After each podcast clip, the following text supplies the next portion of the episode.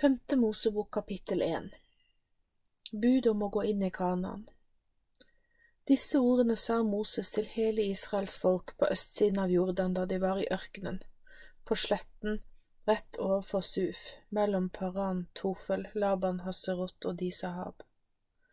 De var elleve dagsreiser fra Horeb, på veien som går over Seirfjellet, til Kadesh Barnea. På den første dagen i den ellevte måneden i det førtiende året talte Moses til Israels folk. Dette skjedde etter at han hadde slått Sion, amorittenes konge i Heshbon, og kongen i Basan, og, som bodde i Ashtarot i Edrei. Moses holdt denne talen mens han sto på andre siden av Jordan, i Moabs land. Herren vår Gud sa dette til oss ved Horeb, dere har bodd ved dette fjellet lenge nok, snu nå, bryt opp og dra mot amorittenes fjell, til alle stedene som ligger omkring på sletten, i fjellene og i lavlandet, Negev i sør og ved kysten mot havet, til kanoneernes land og til Libanon, helt til den store elven Eufrat. Se, jeg har lagt landet rett i hendene deres. Gå nå og innta dette landet som Herren deres Gud lovet å gi til deres forfedre Abraham Isak og Jakob med alle deres etterkommere. Moses innsetter ledere På den tiden sa jeg til dere, jeg alene klarer ikke å bære dere, Herren deres Gud har gjort dere til et stort folk. Nå er dere blitt så mange som stjernene på himmelen. Må Herren deres fedres Gud gjøre dette folket enda tusen ganger større og velsigne dere slik han har lovet. Jeg synes det er tungt å skulle bære ansvaret alene, jeg tynges ned av klagene deres. Ta ut noen kloke menn fra stammene så jeg kan sette dem som ledere over dere. Dere svarte meg, det er godt det du ber oss om å gjøre. Så satte jeg stammehøvdingene, kloke menn med mye kunnskap, til å lede dere. Noen ble ledere for tusen, noen for hundre, noen for femti, noen for ti slik fikk stammene ledere. Den gangen befalte jeg også dommerne deres, hør på de uenighetene som folk har, døm rettferdig mellom en mann og hans bror, eller om det skulle være en fremmed som er hos ham. Dere skal ikke være partiske når dere dømmer, dere skal høre like mye på liten og stor. Dere skal ikke være redde for noe menneske, for dommen hører Gud til. Er det en sak som er for vanskelig for dere, skal dere komme til meg med den, så jeg kan vurdere den. Israel hadde nektet å dra inn i landet. Så dro vi, slik han hadde, han hadde sagt, fra Horeb og gjennom hele den store og forferdelige ørkenen som dere har sett. På veien til Amorittenes fjell kom vi til Kadesh Barnea. Jeg sa til dere, Herren vår Gud gir oss Amorittenes fjell, som vi nå er kommet til. Herren vår Gud har gitt oss landet som ligger rett foran oss, og han har sagt at vi skal dra opp for å ta det. Herren, våre forfedres Gud, sa til vårt folk, frykt ikke og bli ikke redde. Da kom dere alle fram til meg og sa, La oss sende noen speidere så de kan utforske landet for oss. Når de kommer tilbake, kan de fortelle oss hvilken vei vi skal dra opp dit og om de byene vi kommer til. Denne planen syntes jeg godt om, derfor tok jeg ut tolv menn, én mann fra hver stamme. De la ut og dro opp i fjellene og kom til Eskoldalen for å speide ut landet. De tok med seg av landets frukter tilbake ned til oss, og de kunne rapportere, det er et godt land som Herren vår Gud gir oss. Likevel ville dere ikke dra opp, men gjorde opprør mot det Herren deres Gud hadde befalt. Dere klaget i teltene deres og sa, Herren har ført oss ut av Egypt fordi han hater oss.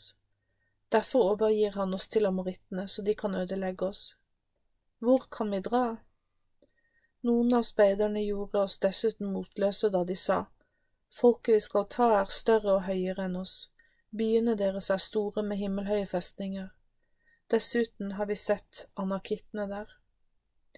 Da svarte jeg dere, ikke vær redde eller la dere skremme av dem. Herren deres Gud som har vært med dere og gått foran dere, skal kjempe for dere. Han vil gripe inn på samme måte som han grep inn rett foran øynene på dere i Egypt. Dere har jo erfaring med hvordan Herren har hjulpet dere gjennom ørkenen. Han bar dere som en mann bærer sønnen sin, hele veien der dere gikk og helt hit. Men til tross for det jeg sa, trodde dere ikke på Herren deres Gud, han som gikk foran dere på veien for å se ut et sted hvor dere kunne slå leir. Han var med dere som en skysøyle om dagen og en flamme om natten. Slik viste han dere veien dere skulle gå. Herrens straff for Israels opprør. Herren hørte hva dere sa og ble sint på dere. Da sverget han, sannelig så skal ikke en eneste av dette klagende folket få se det gode landet som jeg lovte å gi deres forfedre, bortsett fra Kaleb, Jefunnes sønn. Han skal få se det, for han fulgte Herren helt og fullt. Herren ble sint på meg også på grunn av deres oppførsel, og han sa, Du skal heller ikke få komme inn i dette landet. Men Josva, Nuns sønn, som står foran deg, han skal komme inn. Du skal hjelpe ham å få opp motet, for han skal sørge for at Israel skal få landet. Småbarna dere som dere trodde ville bli krigsbytte, og sønnene deres, som i dag ikke kjenner forskjell på godt og ondt, skal komme inn dit. De skal få dette landet, de skal eie det, men dere skal snu og dra ut i ørkenen på veien mot Rødehavet. Da angret dere oppførselen deres og sa, Vi har syndet mot Herren, vi vil slåss for dette landet slik Herren vår Gud befalte oss. Da dere alle hadde gjort dere klare med våpnene, trodde dere dette skulle bli lett kamp. Men da sa Herren til meg, Si at de ikke skal dra i kamp nå, for jeg kommer ikke til å følge med dem, da vil de bli slått av fiendene. Selv om jeg sa dette til dere, ville, ikke, ville dere ikke høre. Dere gjorde opprør mot det Herren hadde sagt, og stae som dere er, angrep dere likevel fienden. Amorittene som bodde i fjellområdet der, kom imot dere og jagde dere som en biesverm. De slo dere i Seir og drev dere helt til Horma. Så kom dere tilbake og gråt foran Herren, men Herren ville ikke høre på klagen deres, han ville ikke lytte til det dere hadde å si. Derfor ble dere i Kadesh så lenge før dere dro videre. Femte Mosebok to Moses minner om årene i ørkenen. Siden snudde vi og dro ut i ørkenen på vei til Rødehavet slik Herren hadde sagt. Vi vandret lenge omkring i Seirfjellene. Da sa Herren til meg, Nå har dere brukt lang nok tid på å gå rundt dette fjellet. Vend dere mot nord. Befal folket at dere skal dra gjennom det området som tilhører Esaus etterkommere, som bor i Seir. De vil bli redde for dere, og derfor skal dere virkelig passe dere og ikke komme i kamp med dem. Jeg kommer ikke til å støtte dere i en slik kamp, for dere skal ikke få noe av deres land. Seerfjellet har jeg gitt som eiendom til Esau. Kjøp mat og vann av dem så dere kan spise og drikke. Herren deres Gud har velsignet dere i arbeidet dere har gjort med hendene. Han kjenner til hele vandringen gjennom denne store ørkenen. I disse 40 årene har dere, har Herren deres Gud vært med dere og dere har ikke manglet noe. Vi dro videre forbi Esaus etterkommere i Seir og gikk bort fra veien og over sletten, bort fra Eilat og Eshon Geber. Deretter snudde vi og dro forbi på veien til Moabørkenen. Da sa Herren til meg, Dere skal ikke angripe Moab, for jeg vil ikke gi deg, no, deg noe av landet deres til eiendom. For Ar har jeg gitt som eiendom til Lots etterkommere. Før bodde emittene der, et folk like stort og tallrikt og høyreist som anakittene.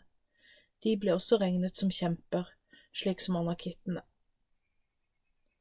Esaus etterkommere har også slåss for sitt, for sitt land. Tidligere bodde horittene i Seir, men de ble jaget bort, og Esaus etterkommere bosatte seg der i deres sted. Slik gjorde Israels folk landområder til sin eiendom, ettersom Herren ga landområdene til dem. Dere dro videre over Sereddalen. Fra Kadesh Barnea til Sereddalen brukte Israels folk 38 år. Da var alle krigsføre menn i folket utdødd. Herren hadde forutsagt at de ikke skulle få komme inn i landet, og Herrens viste sannelig at han var imot dem. Han lot dem være forvirret på sin reise til alle krigsføre menn var utdødd. Da var tiden inne, og Herren sa til meg, I dag skal du dra over grensen til Moab ved Ar. Når du nærmer deg Ammons barn, skal du ikke gå til angrep på dem eller krige med dem, for jeg vil ikke gi deg noe av landet deres. Dette landet har jeg gitt til Lots etterkommere. Da Lots etterkommere sloss for å få landet, møtte også de på kjemper, og ammonittene kalte disse kjempene for samsumitter. De var et folk like stort, tallrikt og høyreist som anakittene. Men Herren ødela dem rett foran ammonittene, og de drev dem bort og bosatte seg der i deres sted. Han gjorde det samme for Lots etterkommere, slik som han også gjorde for Esaus etterkommere. Avittene bodde i landsbyene helt til Gaza. Kaftorerne som kom fra Kaftor, ødela dem og flyttet dit der de hadde bodd. Så sa Herren, dra av sted og gå over elven av Arnom, for jeg vil gi dere amoritten Sion, kongen av Heshbon og hans land. Dere kan bare begynne å flytte inn der, for dere skal overvinne ham. Fra denne dag vil jeg la folkeslagene overalt under himmelen fylles med skrekk og frykt for dere. dere. de skal høre rykter om dere, og de skal skjelve. Seier over kong Sion fra Kedemotørkenen sendte jeg budbæreren til Sion, kongen av Heshbon. Jeg ba dem fredelig spørre, La oss få dra gjennom landet ditt, vi skal gå på veien og ikke ta av verken til høyre eller til venstre. Vi vil kjøpe mat og vann, la oss bare få dra gjennom landet til fots. Esaus etterkommere lot oss dra gjennom Seir, også moabittene i Ar lot oss få lov til det. Vi vil dra over Jordan til det landet som Herren vår Gud vil gi oss. Men Sion, kongen i Heshbon, ville ikke la oss dra gjennom landet hans. Herren Gud hadde gjort hans ånd motvillig og gjort hans hjerte sta. Det skjedde fordi deres folk skulle overvinne ham, slik det har skjedd i dag. Herren sa til meg, Se, jeg har begynt å overgi Sion og landet hans til dere. Ta det i bruk, for landet hans vil bli deres eiendom. Da kom Sian og hele hans folk og sloss med ved Jahas. Herren vår Gud overga ham til oss. Vi slo både ham, sønnene og hele folket hans. Vi inntok alle byene hans og utslettet alle mennene, kvinnene og barna. Vi lot det ikke bli noen overlevende igjen. Bare dyrene deres tok vi som bytte til oss selv, sammen med krigsbyttet vi fikk med oss fra byene vi inntok. Fra Aroer, som ligger ved bredden av Arnonelven, og fra byen som ligger i fjellkløften. Helt til Gilead fantes det ikke en eneste by vi ikke kunne ta oss inn i. Herren vår Gud overga alle til oss, bare landet til Ammons etterkommere nærmet vi oss ikke. Ikke noe sted langs Jabok-elven eller byene i fjellene eller noe annet sted, slik Herren vår Gud hadde befalt oss. Femte Mosebok tre Israel vant over kongen av Basan. Så snudde vi og dro opp langs veien til Basan, og Basans konge kom ut mot oss sammen med sitt folk for å slåss mot oss ved Edrei. Herren sa til meg, Ikke vær redd for ham, for jeg har overgitt ham og hele hans folk og hele hans land i din hånd. Du skal gjøre med ham som du gjorde med Sian, amoritterkongen som bodde i Heshbon. Også og Basans konge med hele hans folk overga Herren vår Gud til oss, og vi slo dem til det ikke var noen overlevende igjen. På den tiden inntok vi alle byene hans, det var ikke en eneste by som vi ikke tok fra dem, 60 byer, hele Argob-området. Alle disse byene var befestet med høye murer, porter og bommer, dessuten var det mange landsbyer. Vi utslettet alle som bodde der, men husdyrene fra byene tok vi som bytte. Slik tok vi landet fra de to amoritterkongene på østsiden av Jordan, fra Arnonelven til Hermonfjellet. Sedonierne kaller Hermon for Sirion, og amorittene kaller det Senir. Vi tok alle byene på sletten, hele Gilead og hele Basan, helt til Salka og Edrei, byer i riket til Åg av Basan. For bare kong Åg av Basan var igjen av alle kjempene. Hans kiste var av jern. Står den ikke i Rabba hos Ammons etterkommere? Den var fire meter lang og to meter bred. Landet øst for Jordan ble delt. Dette landet, som vi gjorde til vårt eget, gikk den gang fra Aroer, som er ved Arnon-elven. Halvparten av Gileadfjellene og byene deres ga jeg til rubenittene og gadittene. Resten av Gilead og kongeriket til kong Og ga jeg til halvparten av Manasses stamme. Hele dette Argob-området med hele Basan ble kalt kjempenes land. Manasses sønn Jair inntok hele Argo Argob-området, helt til grensen til Geshuritene og makatittene. Han ga området til Basan nytt navn, Jairs teltbyer, som det heter til denne dag. Til Makir ga jeg Gilead. Grensen mellom rubenittene og gadittene ved området fra Gilead og helt til Arnonelven lot jeg gå, midt i elven, helt til Jabok-elven.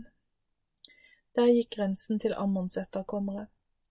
Videre ga jeg rubenittene og gardittene slettelandet med Jordan som grense, fra Genesaretsjøen og helt til østsiden av Arabsjø, Arabasjøen, Saltsjøen, nedenfor Piskaliene. På den tiden ga jeg en befaling til rubedittene og gardittene. Herren deres Gud har gitt dere dette landet til eiendom, men dere skal hjelpe brødrene deres å innta de landområdene som de skal ha. Kle dere til kamp og dra foran brødrene deres over Jordanelven. Koner, barn og alle husdyrene kan dere la bli igjen i byene dere har fått. Når dere er ferdige med å tilkjempe dere det landet Herren deres Gud vil gi folket deres på den andre siden av Jordan, når både dere og, de, dere og deres brødre har kommet til tro, kan hver av dere vende tilbake til den eiendommen som dere har fått av meg. På samme tid ga jeg Josva denne befaling. Dine øyne har sett alt det Herren deres Gud har gjort med disse to kongene. Slik vil Herren gjøre med alle de landene som du skal dra gjennom. Dere skal ikke være redde for noen, for Herren deres Gud vil selv kjempe for dere. Moses skulle ikke få komme inn i landet. Da ba jeg til Herren om nåde og sa, Herre Gud, du har begynt å vise meg, din tjener, din storhet og hvilke mektige ting du kan gjøre. Hvor finnes det ellers en Gud i himmelen eller på jorden som kan noe så mektig som det du kan? Jeg ber deg, la meg bli med og se det gode landet på den andre siden av Jordan, disse vakre fjellene og Libanon. Men Herren var blitt sint på meg og på grunn, på grunn av dere. Han ville ikke høre på meg, derfor sa han til meg, nå er det nok, ikke snakk mer til meg om denne saken. Gå opp på toppen av piska og løft blikket mot vest, nord, sør og øst. Derfra kan du se landet med dine egne øyne, for du skal ikke dra over Jordanelven, du skal gi Josva befaling om å gjøre det. Sett mot i ham og styrk ham, for han skal lede dette folket og sørge for at de får landet. Vi ble deretter værende i dalen rett overfor Bet Peor. Femte Mosebok fire Moses befaler lydighet Hør nå, Israels folk, på de lovene og forskriftene som jeg har lært dere å holde. Det må dere for å leve, for å få leve og komme inn i det landet som Herren, deres fedres Gud, vil gi dere. Dere skal ikke legge noe til det ordet jeg befaler dere, og ikke trekke noe fra. Hold Herren deres Guds bud, slik jeg har befalt dere. Dere har selv sett hva Herren gjorde den gangen noen menn blant dere tilba avguden Baal Peor. Herren deres Gud ødela dem alle. Men dere som klynget dere til meg, Herren deres Gud, er i live i dag, hver eneste en av dere. Ser jeg har lært dere de lovene og forskriftene som Herren min Gud har pålagt meg. Det ble gjort fordi dere skulle holde dem i det landet som dere skal få. Så vær derfor nøye med å holde dem, for nettopp disse budene og forskriftene er et tegn på klokskap. Andre folkeslag som får høre om alle disse lovene, vil si i beundring, Sannelig, dette store folket er et vist og forstandig folk. For hvilket annet stort folk har en Gud som er så nær, slik Herren vår Gud er hos oss, uansett når vi kaller på ham? Og hvilket annet stort folk har slike lover og rettferdige forskrifter som hele denne loven, den jeg legger fram for dere på denne dag? Pass bare på og ta vare på sjelen, så du ikke glemmer alt det fantastiske som du har sett med dine egne øyne.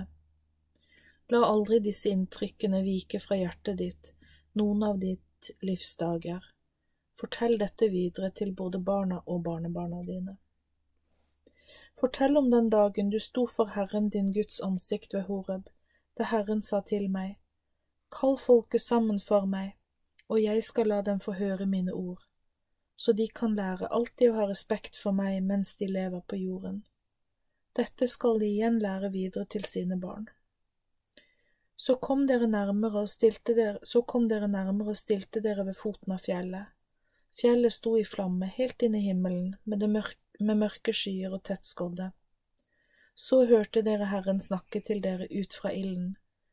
Dere hørte lyden av ordene, men dere så ingen, dere hørte bare stemmen. Han fortalte dere om den bindende avtalen han ville gjøre med dere, og som dere på deres side måtte holde. Han skrev de ti bud på to steintavler og ba dere holde dem. På samme tid befalte Herren meg at jeg skulle lære dere lovene og forskriftene, så dere skulle holde dem i det nye landet dere skulle få. Formaning mot avgudsdyrkelse Pass nøye på sjelene deres, for ingen av dere så en skikkelse den dagen Herren snakket til dere ut fra ilden på Horeb. Derfor skal dere ikke gjøre noe så forferdelig som å lage et bilde dere kan tilbe. Ingen skikkelse, verken mann eller kvinne, dyr eller av en flyvende fugl, krypdyr eller fisk. Når du løfter blikket mot himmelen og ser solen, månen og stjernene, ja, hele den enorme himmelen, da pass dere så dere ikke blir fristet til å tilbe noe av dette som jeg har skapt til alle folkene. Men Herren førte dere ut av Egypt, fra fangenskap og lidelse. Det gjorde han fordi dere skulle være hans folk, Herrens eiendom, som dere er i dag. Men Herren ble sint på meg for deres skyld, og han sverget at jeg ikke skulle få gå over Jordan og komme inn i det gode landet Herren deres Gud vil gi dere jeg må dø på denne siden av Jordan og få ikke bli med. Men dere skal gå over og gjøre dette gode landet til deres eget. Pass bare på at dere ikke glemmer avtalen dere har med Herren deres Gud.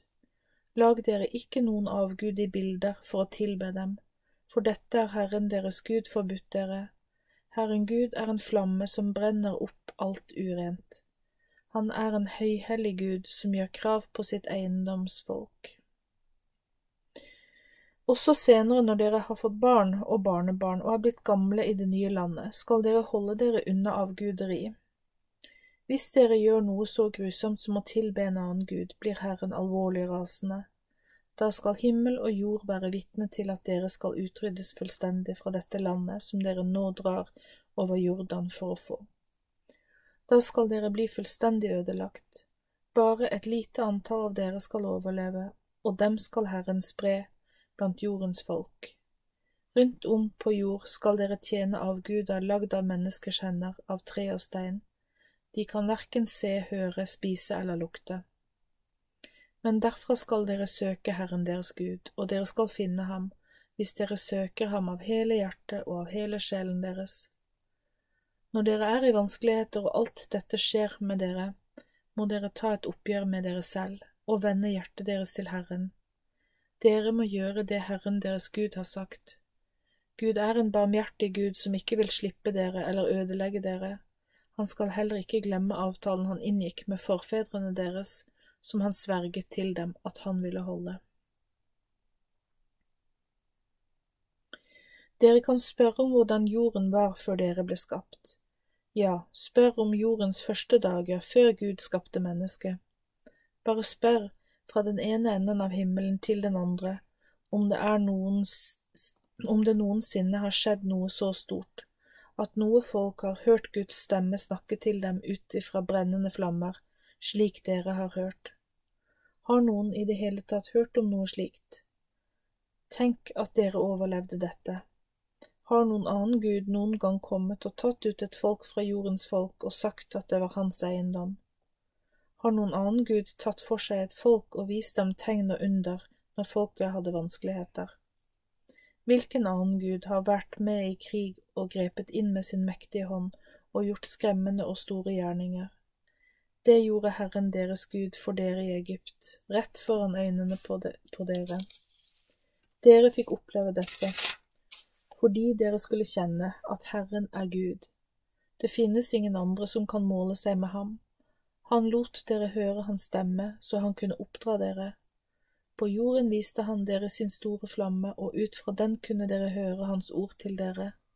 Fordi han elsket deres forfedre, og fordi han valgte ut deres etterkommere, førte han dette folket ut av Egypt ved sitt nærvær og sin mektige kraft.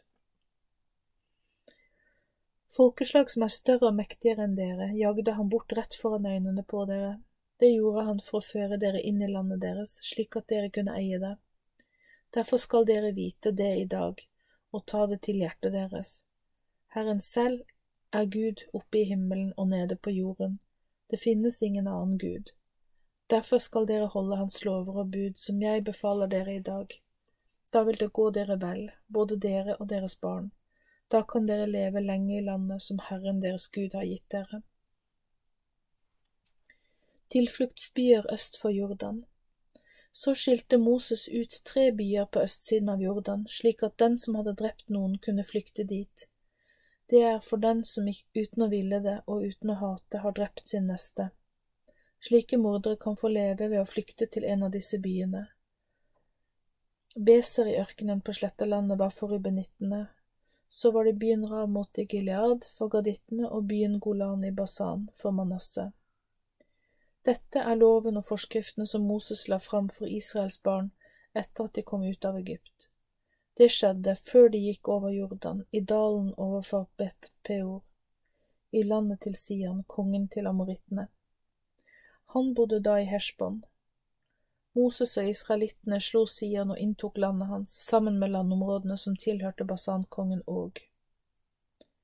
Og de to amoritterkongene øst for Jordan, fra Aroer, som ligger ved bredden av Arnonelven, helt til Sionfjellet Hermon, og over hele slettelandet på østsiden av Jordan, helt til Arabasjøen, nedenfor Piskaliene.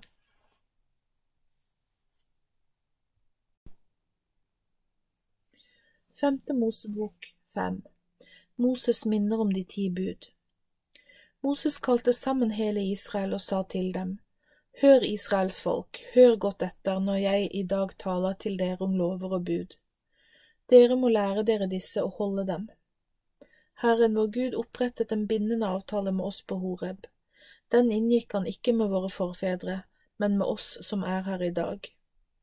Herren talte ut av flammene direkte til oss, ja, ansikt til ansikt talte Herren med dere.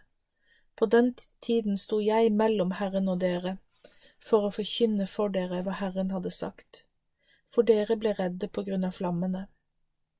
Herren sa, Jeg er Herren din Gud, Han som førte deg ut fra Egypt, ut fra slavehuset. Du skal ikke ha andre guder enn meg, du skal ikke lage deg noen avgud ved å skjære ut et bilde med etterligning av noe som er i himmelen eller på jorden, eller i vannet. Du skal ikke falle ned og tilbe eller tjene noen avgud, for dette er viktig for meg, Herren din Gud, bare jeg er Gud.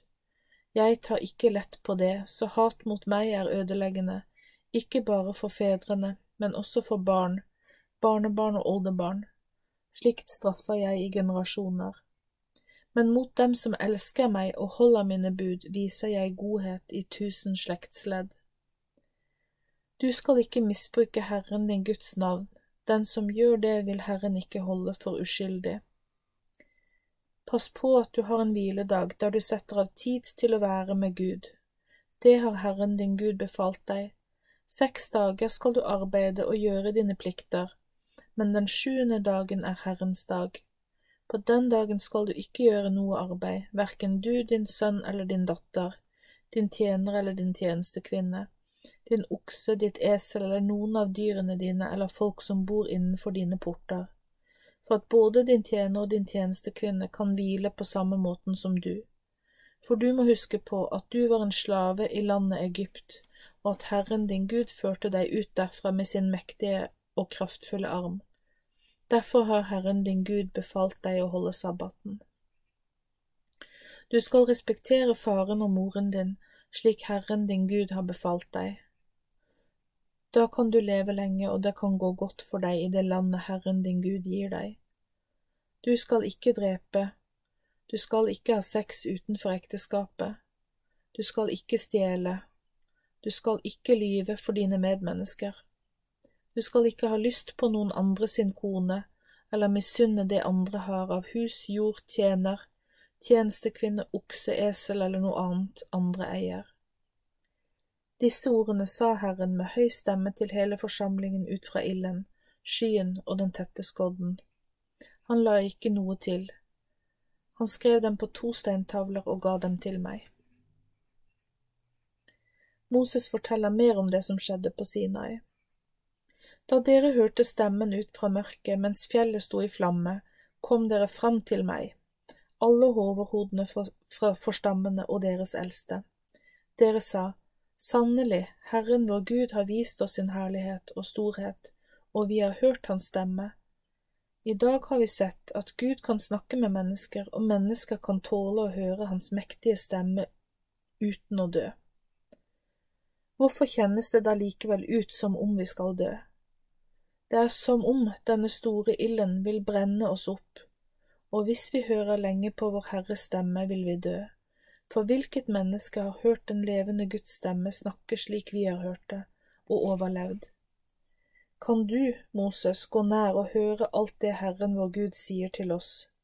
Kan du så fortelle oss alt det Herren vår Gud sier til deg, så vil vi høre og gjøre det Han sier. Herren hørte hva dere sa da dere snakket til meg. Herren sa da til meg, jeg har hørt hva folket sier til deg. De har rett i, at, i alt det de har sagt. Må da bare hjertet deres være slik at de er villige til å rette opp etter mine bud, rette seg etter mine bud og holde dem og vise stor respekt for meg.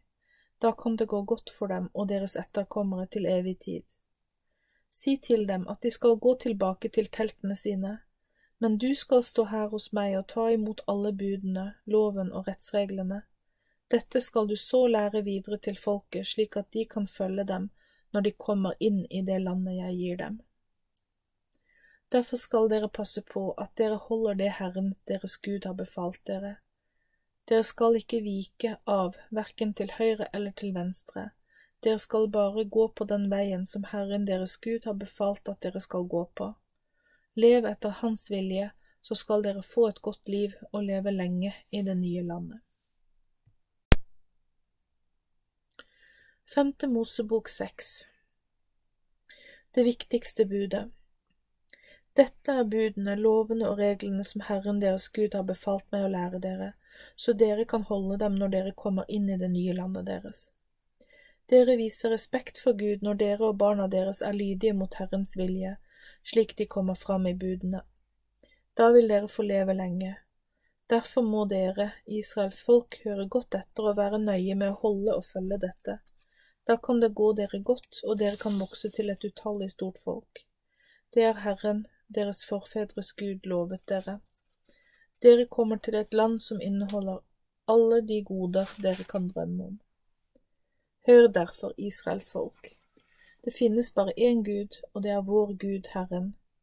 Dere skal elske Herren Gud av hele hjertet, av hele sjelen og med all deres makt. Disse ordene som jeg befaler dere i dag, skal bli i hjertet deres. Dere skal innprente ordene hos barna deres, og dere skal snakke om dem når dere sitter i hjemmene deres, når dere er ute og går på veien, når dere går til sengs og når dere står opp. Disse ordene skal Herren deres binde rundt hånden som et tegn, og de skal være som huskelapper for deg. Du skal skrive budene på dørstolpene til huset deres og på portene. Advarsel mot ulydighet Men når Herren din Gud fører dere inn i det landet han har sverget deres forfedre Abraham, Isak og Jakob at dere skulle få, ja, store og vakre byer som dere ikke har bygd selv, hus fulle av gode ting som dere ikke har fylt dem med, brenner dere ikke har hogd ut, vingårder og oliventrær dere ikke plantet, og når dere har spist og er mette, da må dere passe på at dere ikke glemmer Herren som førte deg ut fra slavehuset Egypt. Vis respekt for Herren deres Gud og tjen ham. Ved hans navn skal dere sverge. Dere skal ikke tjene andre guder, gudene til folkeslagene som bor omkring dere. Ikke følg andre guder, for Herren deres Gud midt iblant dere tolererer ingen andre guder. Han er den eneste. Tar dere ikke dette på alvor, så blir han vred og utsletter dere fra jordens overflate. Du skal ikke teste Herren din Gud på dette, slik dere gjorde i Massa. Dere skal holde det Herren har sagt til dere, og holde Hans bud nøye. Hold også lovene Han har gitt dere. Dere skal gjøre det som er rett og godt i Herrens øyne, for at det kan gå dere vel, og dere får komme inn i det gode landet som Herren sverget til deres forfedre at Han ville gi dere. Han skal jage bort alle fiendene foran dere. Når deres sønner senere spør dere, hva betyr det vi hører at Herren har gjort, og lovene og dommene som Herren vår Gud har befalt dere? Da skal dere svare, Vi var slaver under farao i Egypt, og Herren førte oss ut av Egypt med mektig hånd. Herren gjorde mektige og forferdelige tegn og under mot Egypt, farao og hele huset hans, rett foran øynene på oss så førte han oss ut derfra for å føre oss inn i det landet han sverget til våre forfedre at vi skulle få. Herren befalte oss å holde alle disse lovene og å vise stor respekt for Herren vår Gud, så det alltid skulle gå oss vel, og han kunne holde oss i live, som på denne dag. Hvis vi passer på og holder alt det Herren har sagt til oss og bøyer oss for Herren vår Guds ansikt, slik Han har befalt oss, skal vi være rene og rettferdige for ham. Femte Mosebok sju Herren alene er deres Gud. Når Herren din Gud fører deg inn i landet du skal få, driver han, han for deg bort sju folkeslag som er større og mektigere enn dere, hetittene, girgasittene, amorittene, kanoneerne, perisittene, hevittene og jebusittene. Når Herren din Gud overgir dem til dere, skal du slå dem, og du skal sannelig bannlyse dem. Ikke lag noen avtaler med dem og ikke vis dem nåde. La verken sønnene eller døtrene deres gifte seg inn i deres slekter, for de vil få barna deres til å snu seg bort fra meg for å tjene andre guder. Dersom det skjer, blir Herren så rasende at han kommer til å utrydde dere. Dere skal heller rive ned avgudsaltrene og steinstøttene deres, hugg ned perlene de har med Ashera-bilder, Brenn opp de utskårne avgudsbildene deres, for dere er et hellig folk for Herren deres Gud.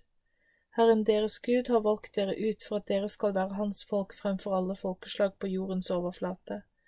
Dere ble ikke valgt ut fordi dere var større enn alle andre folk. Tvert imot så er Herren glad i dere fordi dere var de minste av alle folkene. Derfor elsker Herren dere. Han vil holde det løftet han ga deres fedre og derfor har Herren med mektig hånd ført dere ut og løst dere fra slavehuset i Egypt, ut av egypterkongen faraos hånd. Derfor skal dere vite at Herren deres Gud er den trofaste Gud, som holder de avtalene han har inngått, og viser barmhjertighet i tusen slektsledd mot dem som elsker ham og holder hans bud. De som hater ham, vil han gjengjelde og ødelegge. Derfor skal dere legge vekt på å være lydige mot de budene og reglene som jeg har gitt dere fra Herren. De lydige blir velsignet. Når dere så er lydige og holder de bud og regler som Herren har gitt, vil Herren deres Gud holde avtalen som Han har gjort med deres forfedre, og vise dere barmhjertighet. Han skal elske dere og velsigne dere og gjøre dere tallrike. Han skal velsigne deres barn, og deres avlinger skal av korn, most og olje han vil velsigne fruktbarheten til husdyrene når dere er kommet inn i det landet han har lovet dere. Dere skal være velsignet framfor alle andre folk. Hos dere skal det ikke være noen som er ufruktbare, hverken av mann eller kvinne eller blant buskapen deres. Herren skal ta all sykdom bort fra deg, og han skal ikke legge på deg noen av de grusomme lidelser som dere kjenner til fra Egypt. Disse lidelsene skal han la ramme alle som hater deg. Dere skal ta alle de folkene Herren deres Gud overgir til dere, ikke vis barmhjertighet med dem. Dere skal heller ikke tjene gudene deres, for det vil bli en felle for dere. Hvis dere sier med dere selv, disse folkeslagene er større enn oss, hvordan skal vi klare å drive dem bort? Skal dere ikke være redde for dem, men huske nøye hva Herren deres Gud gjorde med farao og med hele Egypt. Ikke glem det dere så med egne øyne, store prøvelser, tegn og under. Dere fikk se hvordan Herren med sin mektige og utstrakte hånd førte dere ut av Egypt. Slik skal Herren deres Gud gjøre med alle folkeslagene dere er redde for. Herren deres Gud skal også sende veps inn blant dem, helt til alle, også de som gjemmer seg, er godt fortapt. Dere skal ikke bli skrekkslagne på grunn av dem, for Herren deres Gud, Han som er stor og fryktinngytende, er midt blant dere. Litt etter litt skal Herren deres Gud drive, drive disse folkeslagene bort fra dere. Dere skal ikke klare å gjøre ende på dem på en gang, for det ville gi dere mange fiender rundt dere. Men litt etter litt vil Herren deres Gud overgi dem til dere og skape stor forvirring blant dem til de er ødelagt. Han skal overgi kongene deres til dere, og dere skal utslette disse kongers navn. Ingen skal kunne stå imot dere helt til dere har ødelagt dem. De utskårne avgudsbildene deres skal dere brenne, dere skal ikke ha lyst på sølvet og gullet på avgudsbildene, ikke forsyn dere av det så dere blir begeistret for det, for det kan være en felle. Dette er avskyelig for Herren deres Gud. La det ikke komme inn i huset ditt, så dere ikke blir bannlyst. Dere skal inderlig avsky alt dette, for det er bannlyst. Femte Mosebok åtte Husk hvordan Herren har vært med dere. Alle de budene som jeg i dag har befalt dere å holde, skal dere legge vekt på å følge. Da vil dere kunne leve godt og bli mange. Da vil dere få det landet som Herren har lovet deres forfedre. Husk på de erfaringene dere fikk da Herren deres Gud ledet dere rundt i ørkenen i 40 år. Det gjorde han for å ydmyke dere og prøve dere så han kunne kjenne hva som var i hjertet deres, om dere ville holde budene hans eller ikke. Derfor ydmyket han dere, lot dere sulte, og ga dere manna å spise, som verken dere eller deres forfedre kjente til. Han ville la dere kjenne at mennesket trenger mer enn brød for å overleve, det trenger hvert ord som kommer fra Guds munn. På vandring ble ikke klærne deres utslitt og føttene deres hovnet opp, ikke opp i løpet av disse 40 årene. Så skal dere da erkjenne hjertet deres at slik som en mann oppdrar sin sønn ved å sette ham på plass, slik oppdras også dere av Herren deres Gud. Dere skal holde Herren deres Guds bud og leve etter Hans vilje og, for, og i respekt for ham. For Herren deres Gud vil føre dere inn i et godt land med vannrike bekker, med kilder og vannårer som strømmer fram i daler og åser, et land med hvete og bygg, med vintrær og fikentrær og granatepler, et land med olivenolje og honning, et land der dere ikke må spise brødet deres i fattigdom, hvor dere ikke skal mangle noe, et land der steinene er jern og dere kan hugge kobber ut av fjellene. Når dere har spist og er mette, skal dere prise Herren deres Gud for det gode landet han har gitt dere. Pass dere så dere ikke glemmer Herren deres Gud, men holder Hans bud, regler og lover som jeg befaler dere i dag. Når dere har spist og er mette og har bygd vakre hus og bor i dem, og husdyrene deres er blitt tallrike, og dere får sølv og gull i mengder, og dere får stadig mer av alt dere eier, skal dere passe dere så det ikke hjertet opphøyer seg, og at dere glemmer at det var Herren deres Gud som førte dere ut fra slaveriet i Egypt. Det var Han som førte dere gjennom den store og forferdelige ørkenen, gjennom områder med giftige slanger og skorpioner, gjennom det tørre landet der det ikke var vann. Det var han som lot vannet strømme ut til dere fra den flintharde klippen, og som ga dere manna å spise i ørkenen, en mat forfedrene deres ikke kjente til. Han ydmyket dere og satte dere på prøve, så han kunne gjøre godt mot dere til slutt. Da må dere ikke si i hjertet, med min egen kraft og min egen håndstyrke har jeg skaffet meg denne velstanden. Men dere skal huske Herren deres Gud, for det er Han som gir dere kraft til å, få, å skaffe dere rikdom. Slik stadfester Han den bindende avtalen han, han gjorde med deres forfedre.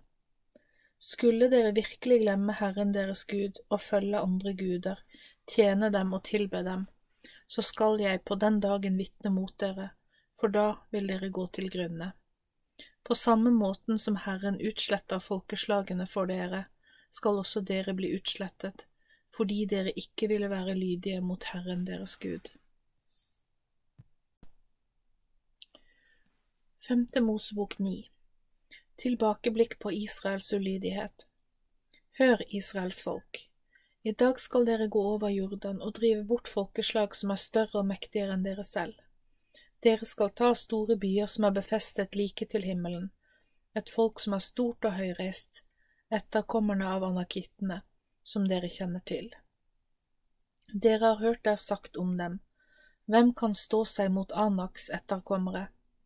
Derfor skal dere i dag kjenne at Herren deres Gud går foran dere han er som en ild som brenner opp alt som kommer i veien for dere. Rett foran dere skal han ødelegge og underkue dem. Deretter skal dere drive dem ut og være snare til å utrydde dem, slik Herren har sagt til dere. Etter at Herren din Gud har drevet dem bort foran øynene på dere, må dere ikke tenke i hjertet og si, det er på grunn av at vi er så gode at Herren har latt oss ta dette landet. Nei, det er på grunn av at disse folkeslagene har gjort seg skyldige mot Herren, at han driver dem bort foran dere.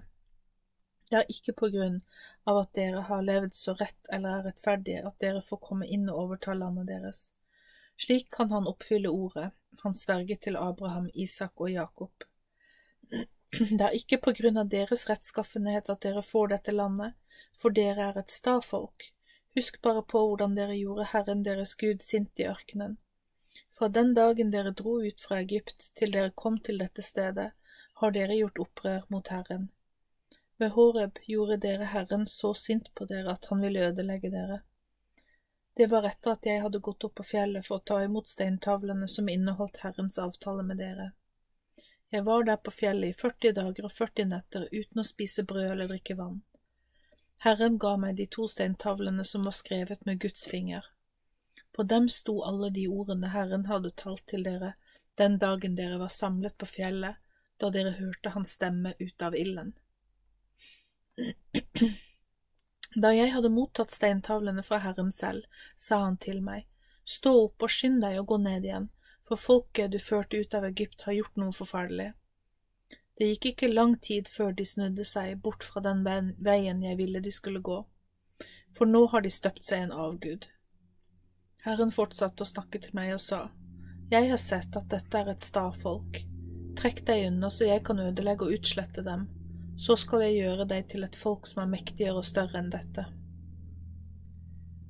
Da snudde jeg og gikk ned fra fjellet, og fjellet sto da i flammer. Jeg hadde paktens tavler i hendene, og da så jeg hva dere hadde gjort og hvordan dere hadde syndet mot Herren deres Gud. Dere hadde støpt dere en kalv. Det var ikke lenge lenge dere var lydige mot Gud. Da kastet jeg de to tavlene som jeg hadde i hendene, ja, jeg knuste dem rett foran øynene deres. Så falt jeg ned for Herrens ansikt i nye 40 dager og 40 netter.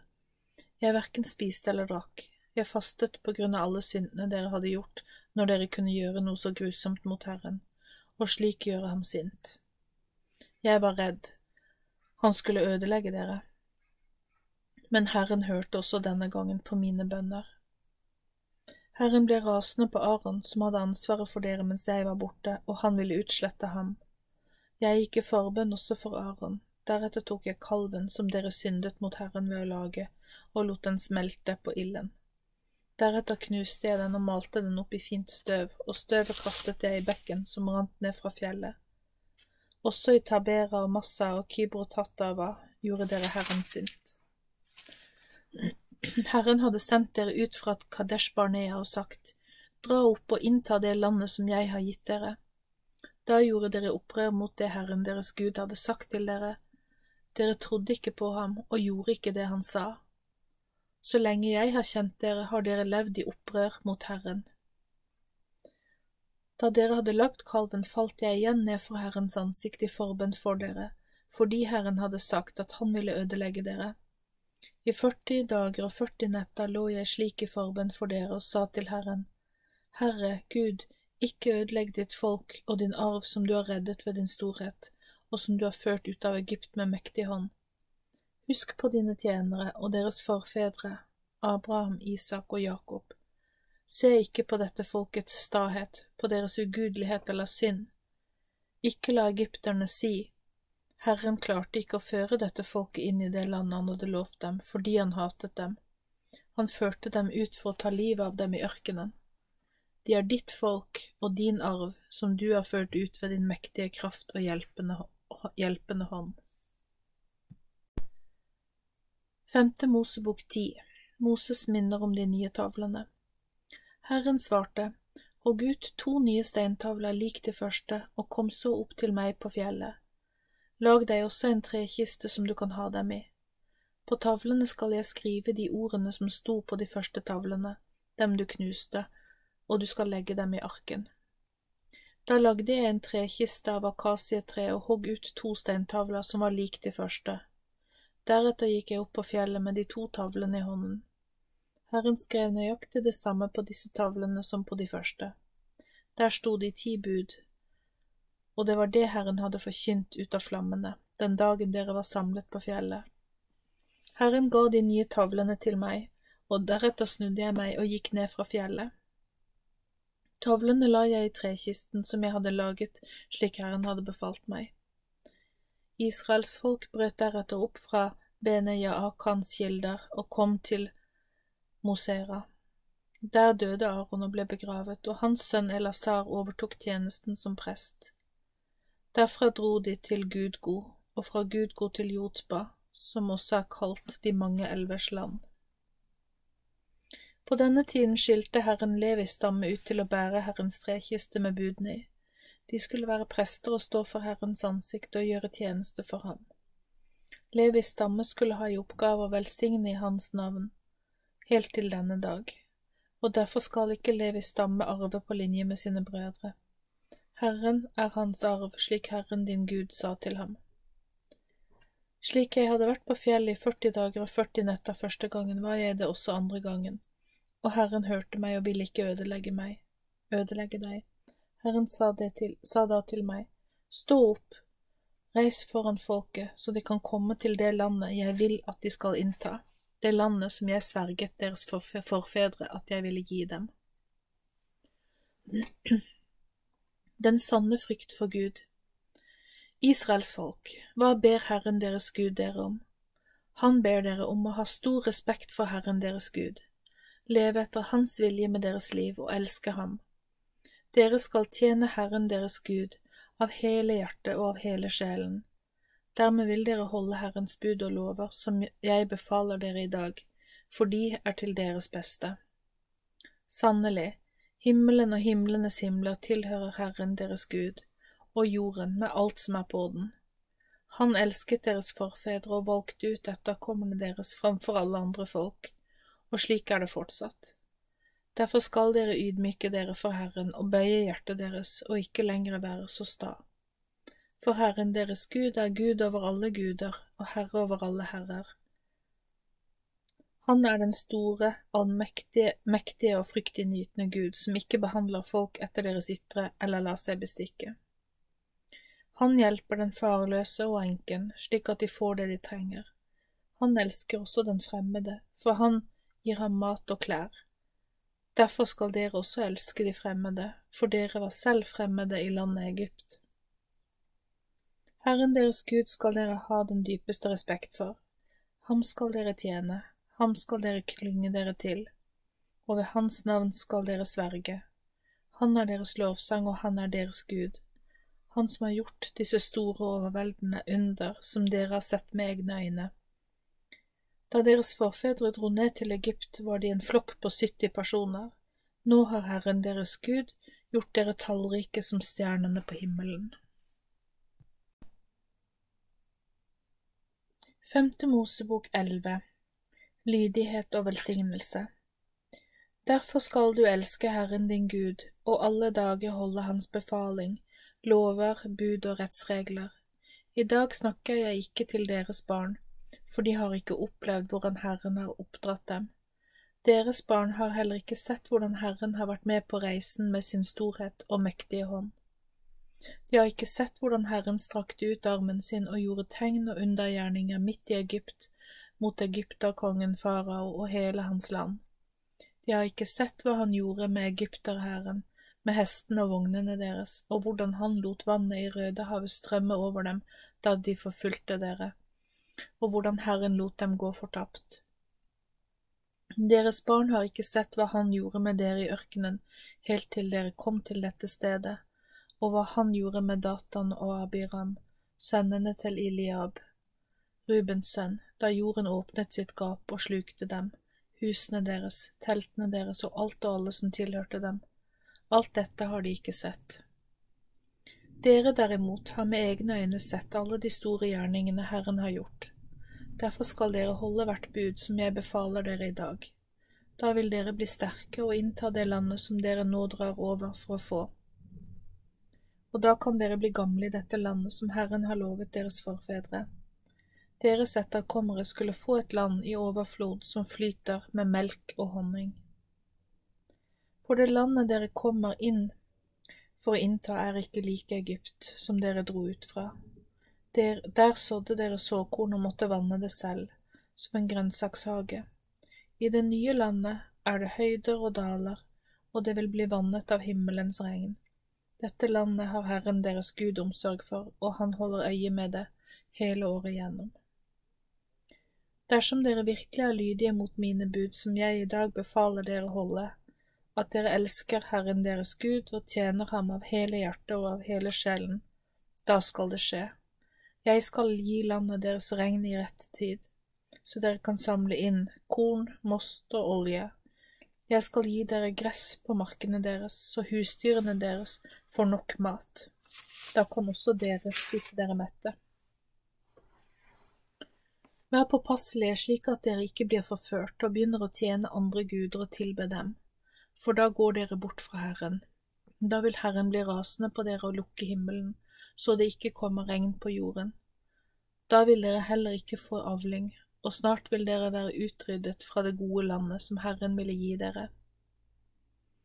Glem aldri disse ordene, men legg dem på hjerte og sjel. Bind dem fast til hånden som et tegn, og ha dem som lett synlige huskelapper. Lær dette videre til barna deres, snakk om dette i hjemmet deres når dere er ute, når dere skal legge dere og når dere står opp igjen. På døren og porten deres skal også Herrens leveregler for dere stå skrevet. Da vil dere alltid få leve i dette landet som Herren lovet deres forfedre. For hvis dere er nøye med å holde alle disse budene som jeg befaler dere å leve etter, slik at dere elsker Herren deres Gud, lever rett for ham og klynger dere til ham, da skal Herren drive bort alle disse folkeslagene som er foran dere. Dere skal overvinne folkeslag som er større og mektigere enn dere selv. Hvert sted dere setter foten på, fra ørkenen og Libanon, fra elven Eufrat, helt til havet i vest, skal bli deres landområde. Ingen mann skal kunne stå seg mot dere. Herren deres Gud skal la det komme redsel og frykt for dere over folkeslagene i alle de landområder som dere går inn i. Dette har han sagt til dere, se, i dag legger jeg frem for dere velsignelsen og forbannelsen. Velsignet blir dere dersom dere lyder Herren deres Guds bud, som jeg befaler dere i dag. Dere vil bli rammet av forbannelse dersom dere ikke lyder Herren deres Guds bud, men går i en annen retning enn jeg har befalt dere og følger andre guder som dere ikke kjenner. Når Herren deres Gud har ført dere inn i dette landet som dere skal få, skal dere lyse velsignelsen på fjellet Garisim og forbannelsen på fjellet Ebal. Ligger ikke disse fjellene i vest på den andre siden av Jordan, i landet til kanoneerne, på slettene som ligger like overfor Gilgal, ved, terrebintrærne i Måre? Dere skal nå dra over Jordan og gå inn og ta det landet i eie som Herren deres Gud gir dere, og når dere har bosatt dere der, så pass bare på å gjøre det som jeg har lagt fram for dere i dag. Femte Mosebok tolv Tilbe Gud Dette er de lovene og reglene som dere skal være nøye med å holde alle de dagene dere lever på jorden i det landet som Herren, deres forfedres Gud, gir dere dere skal fullstendig ødelegge alle stedene der folkene drev avgudsdyrkingen sin. Riv ned altrene deres og bryt ned steinstøttene deres. Asherapælene skal dere brenne opp. Dere skal hogge ned de utskårne bildene av gudene deres og utslette navnene til avgudene. Dere skal ikke tilbe Herren deres Gud slik de har tilbedt sine avguder. Men dere skal gå til det stedet som Herren deres Gud velger ut blant dere der skal dere tilbe ham, for han vil være på den, denne utvalgte plassen. Der skal ofringen skje, og der skal dere komme med tienden og med de gavene dere har lovet å gi til Herren.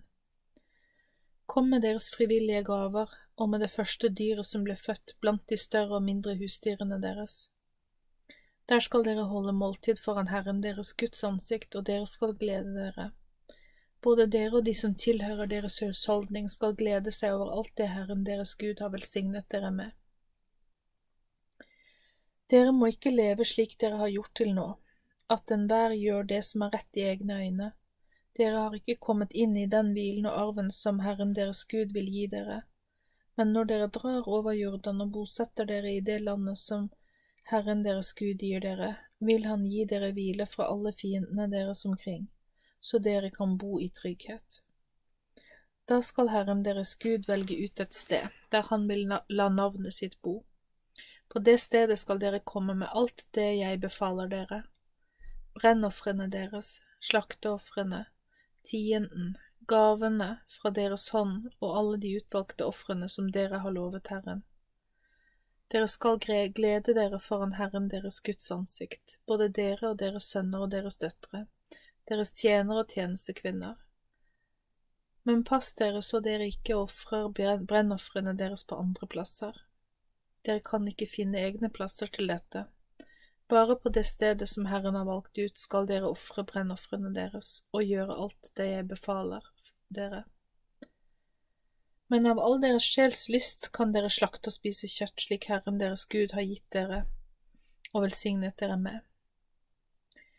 Alle kan spise av det, som om det var en gaselle eller et dårdyr, bare ikke spis blodet.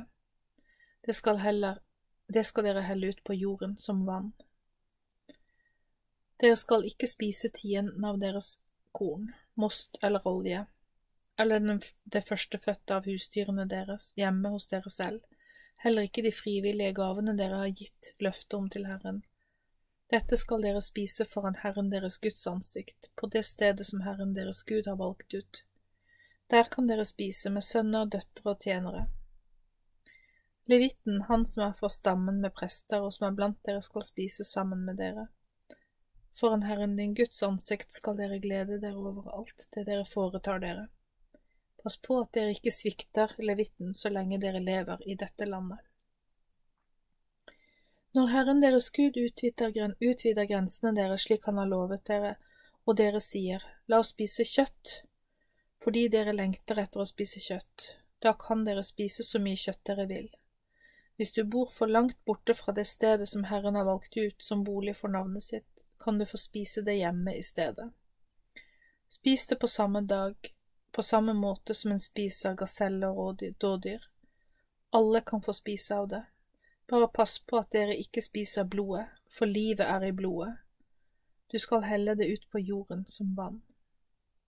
Du skal ikke spise det, for at det kan gå godt med deg og barna dine etter deg, når du gjør det som er rett i Herrens øyne. Ta med det hellige og det dere har lovet å ofre til Herrens, Herrens plass. Der skal dere ofre ved å brenne offerdyrene, både kjøttet og blodet, på alteret for Herren deres Gud. Blodet fra slakteofrene deres skal helles ut på alteret for Herren deres Gud. Kjøttet skal dere spise. Dere skal ta vare på å være lydige mot alle disse ordene jeg befaler deg, for at det kan gå godt med dere og etterkommerne deres til evig tid. Det vil det når dere gjør det som er godt og rett i Herren deres Guds øyne. Vær på vakt mot avgudene. Når Herren deres Gud utrydder folkeslagene for dere, skal dere passe på at dere ikke fristes til å følge deres fotspor og prøver å tilbe andre guder ikke bli fristet til å si, hvordan tjente disse folkeslagene gudene sine, vi vil gjøre det på samme måte. Dere skal ikke tilbe Herren deres Gud på samme måte, de har tilbedt sine guder på en grusom og avskyelig måte. Herren hater det de har gjort for gudene sine. Til og med sønner, sine sønner og døtre har de ofret på ilden for gudene sine. Hold de budene jeg har befalt dere, du skal ikke legge noe til eller trekke noe fra. Femte Mosebok 13 Straff for å snu ryggen til Gud Hvis det midt blant dere står fram en profet eller en som har drømmer, og drømmene slår til, eller han viser dere et tegn eller et under og etterpå sier, La oss følge andre guder og la oss tjene dem, da skal du ikke høre på hva denne profeten eller han som har drømmer, sier.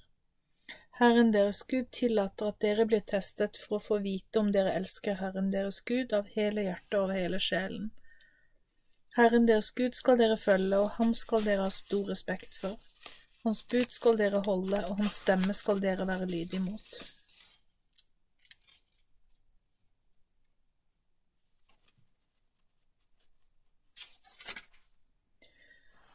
Ham skal dere tjene, og ham skal dere klynge dere til.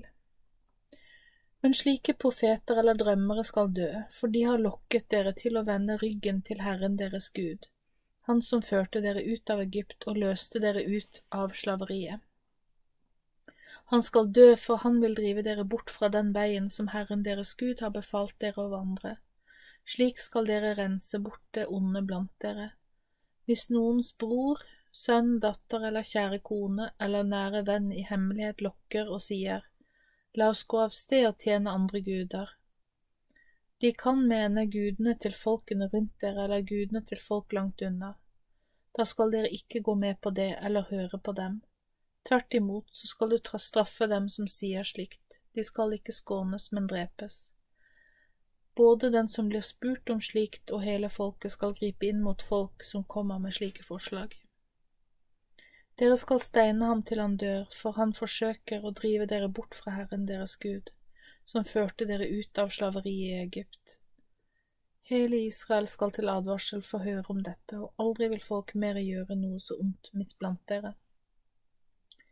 Hvis dere hører noen si i en av byene dine som Herren deres Gud gir dere til å bo i, at det finnes ondskapsfulle mennesker blant dere som har foreslått La oss i denne byen gå av sted og tjene andre guder. Da skal dere undersøke det og granske nøye. Dersom det viser seg at det er sant at noe så grusomt har skjedd, skal denne byen utslettes fullstendig, og de skal drepes med sverd.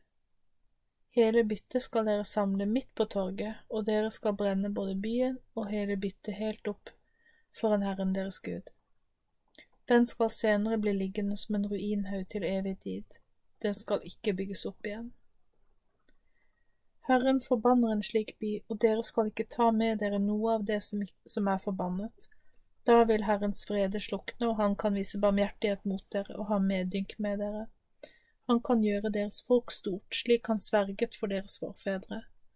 For dere har hørt på Herren deres Guds stemme og vil holde alle hans bud, som jeg befaler dere i dag. Dere vil gjøre det som er rett i Herren deres Guds øyne.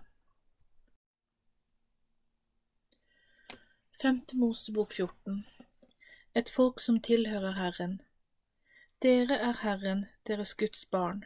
Dere skal ikke kutte dere opp eller barbere dere over pannen i sorg over at noen dør. For dere er et hellig folk for Herren deres Gud. Dette folk har Herren valgt ut til å være hans eiendom blant alle folkeslagene på jorden. Rene og urene dyr dere skal ikke spise urene dyr, for det er avskyelig. Dette er de firbeinte dyrene dere kan spise. Okse, sau, geit, dådyr, gaselle, rådyr, villgeit, steinbukk, antilope og fjellgeit. Av de firbeinte dyrene kan dere spise alle som har hover, og dem som har kløvde klover og, trygg, og tyggedrøv. Men disse skal dere ikke spise av dem som gulper opp maten igjen, har klover eller kløvde hover, kamelen, haren og fjellgrevlingen, for de gulper maten opp igjen, men de har ikke kløvde klover, så de er urene for dere. Svinet er også urent for dere, for de har kløvde klover, men det gulper ikke maten opp igjen. Kjøttet fra dem skal dere ikke spise, og åtsla av dem skal dere ikke røre. Dette kan dere spise av alt som er i vannet. Alt som har finner og skjell, kan dere spise, men alt som ikke har finner eller skjell, skal dere ikke spise, for det er urent for dere. Alle rene fugler kan dere spise, men dere skal ikke spise disse, Ørnen, lammegribben, svartgribben, den røde glenten, falken og alle slags glenter, alle slags ravner, strutsen, uglen, måken og alle slags hauker, kattuglen, tårnuglen og snøuglen, pelikanen, åtselgribben, fiskeuglen, storken, alle slags hegrer og hærfuglen og flågermusen. Også alle flygende insekter er urene for dere, de skal ikke spises. Dere skal ikke spise noe dyr som har dødd av seg selv, for dere er et hellig folk for Herren deres Gud. Du kan gi det til fremmede som er innenfor dine porter, så han kan spise det, eller du kan selge det til en utlending. Du skal ikke koke et kje i melken til moren. Om tienden Dere skal være nøye med å gi tiende av all avlingen fra kornet deres, det åkeren gir år etter år.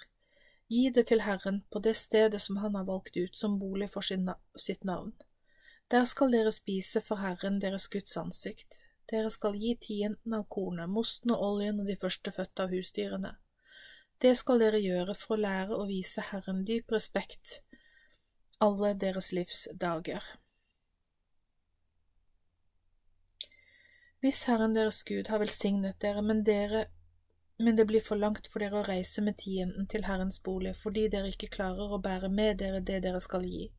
Skal dere bytte det inn i penger, binde pengene til hånden deres og gå til Herrens sted med dem. Dere skal bruke disse pengene til det dere selv har lyst til, kjøp av husdyr, vin eller sterk drikk Til hva dere enn har lyst på, dere skal spise det for Herren deres Guds ansikt, og dere skal glede dere sammen med deres tjenere. Dere må ikke svikte levitten som er innenfor portene deres, han må få det han trenger fra dere, siden han ikke eier noe selv. Ved slutten av hvert tredje år skal du komme med tienden av avlingen din fra det året og lagre det innenfor portene dine. Siden levittene ikke har egen eiendom, skal de få spise seg mette sammen med fremmede, farløse og enker. Da vil Herren deres Gud velsigne dere i alt det dere gjør.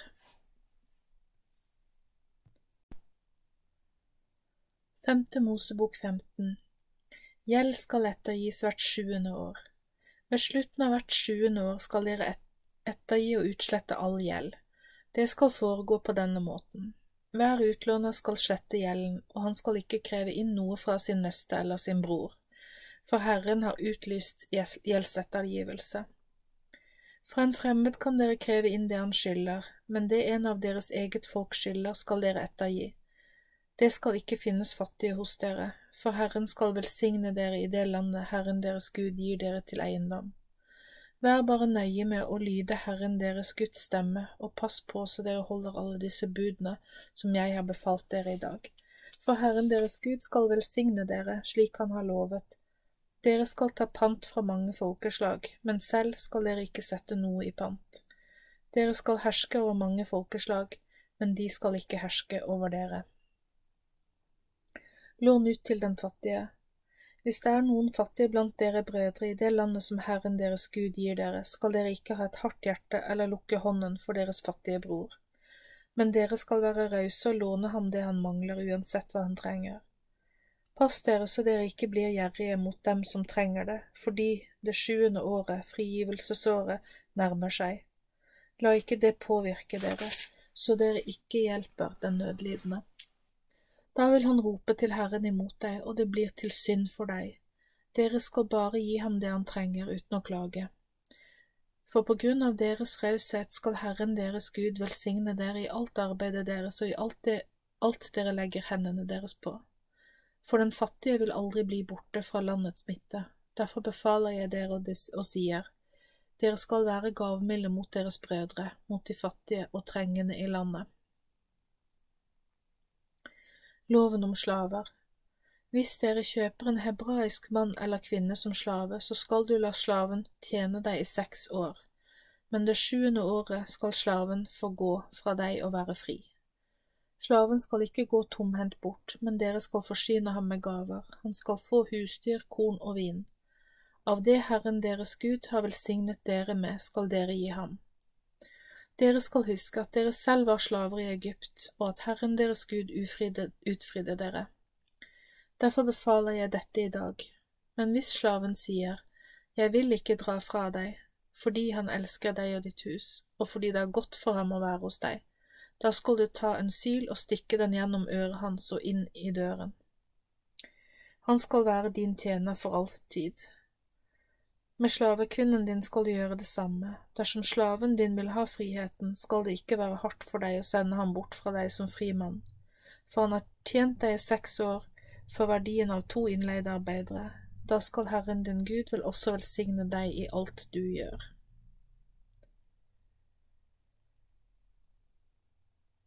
Loven om førstefødte dyr Alt førstefødte av hannkjønn av kyr, geiter og sau skal dere sette til side for Herren deres Gud.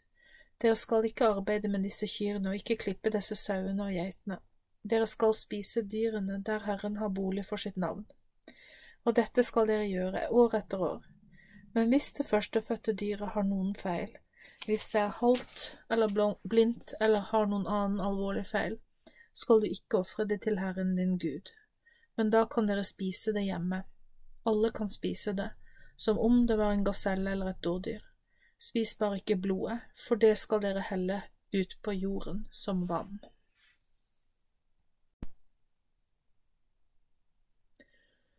Femte Mosebok 16 Husk å feire påske. Pass på at dere feirer påske i Abib måned. Dere skal holde påske for Herren deres Gud, for om natten i denne måneden førte Herren deres Gud dere ut av Egypt. Derfor skal dere ofre påskeofre for Herren deres Gud, på det stedet Herren har valgt ut som bolig for sitt navn. Dere skal ikke spise brød som er hevet med surdeig sammen med kjøttet. I sju dager skal dere spise flatbrød. Slikt brød spiser man når man er i nød, slik dere var da dere i all hast måtte reise fra Egypt. Hele livet vil dere huske den dagen da dere dro ut fra Egypt, og derfor skal dere i sju dager ikke ha noe surdeig til heving i huset deres. Heller ikke skal noe av det kjøttet dere ofrer den første kvelden, ligge over til neste morgen. Påskeofferet skal ikke ofres hjemme, men på den plassen Gud har funnet til bolig for sitt navn. Der skal dere slakte påskeoffer om kvelden ved solnedgang, på den tiden av døgnet da dere dro ut av Egypt. Dere skal steke det og spise det, neste morgen skal dere dra hjem til dere selv. Seks dager skal dere spise brød som ikke er hevet, og på den sjuende dagen skal det være en hellig samling for Herren deres Gud. Da skal dere ikke gjøre noe arbeid. Feiring av innhøstingen Fra dere begynner å skjære kornet med sigden skal dere telle sju uker, så skal dere feire ukefesten for Herren deres Gud med en frivillig offergave avling, fra avlingen deres, slik Herren har velsignet dere. Dere skal glede dere sammen med deres sønner, døtre, tjenere, tjenestekvinner, levitter som hører til på din eiendom, fremmede, farløse og enker som er midt blant dere. Gled dere framfor Herren og deres Guds ansikt, på det stedet Herren deres Gud har valgt som bolig for sitt navn. Dere skal huske at dere selv var slaver i Egypt, og dere skal passe på å holde disse lovene. Påminnelse om løvhyttefesten Løvhyttefesten skal være en feiring som varer i sju dager, når du har samlet inn alt som kommer fra treskeplassen og vinpressen din. Dere skal glede dere på høytiden sammen med sønner og døtre, tjenere, tjenestekvinner og levitter som hører til hos dere, og fremmede, farløse og enker som er iblant dere.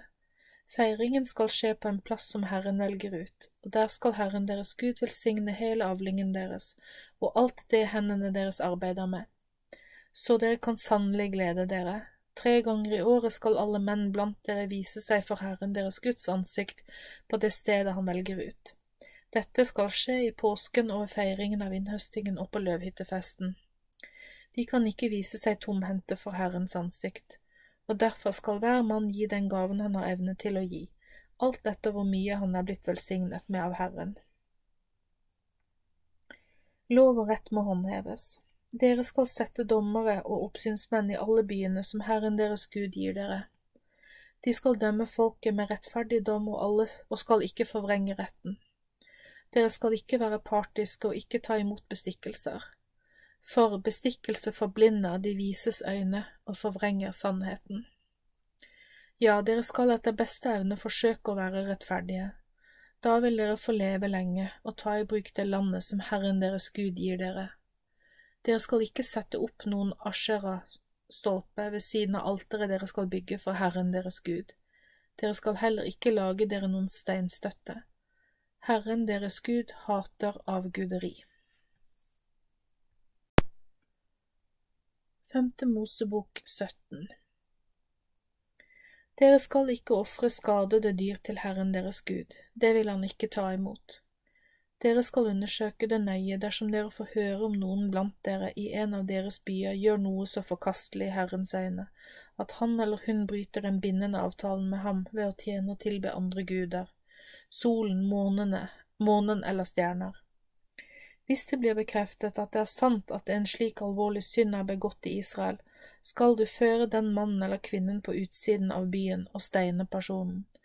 Det må være to eller tre vitner til at dette har skjedd, bare et vitneutsagn er ikke nok til å utføre dødsstraff. Vitnene skal begynne steiningen, så skal folket være med. Slik skal dere rense folket for synd. Dersom en sak er for vanskelig for dere å dømme i, skal dere oppsøke hjelp. Dere skal dra til presten eller vitner til dem som er dommer på den, den som er dommer på den tiden, og søke svar. De skal da kunngjøre for dere hvordan saken skal bedømmes. Dere skal rette dere etter lovens ordlyd, og dere skal ikke vike av verken til høyre eller til venstre fra den kjennelsen de kunngjør dere. Men den mannen som handler på egen hånd og ikke vil lytte til presten eller lyde dommeren, skal dø. Slik skal dere rense de onde bort fra Israels folk. Hele folket skal høre det og fylles av respekt for denne ordningen. Det vil føre til at sakene blir fulgt opp slik de skal. Kongeloven når dere kommer inn i det landet Herren deres Gud gir dere, og gjør det til deres eget ved at dere bosetter dere der, så vil dere si, Vi vil ha en konge over oss, slik alle folkeslagene omkring oss har konger. Da skal dere sannelig sette en konge over dere, men det skal være en som Herren deres Gud velger ut. Det skal være en fra deres eget folk, for det kan ikke være en fra et annet folk. Kongen skal ikke skaffe seg mange hester, og ikke tillate folk å dra tilbake til Egypt for å skaffe seg mange hester. For Herren har sagt til dere, dere skal aldri mere dra tilbake til Egypt.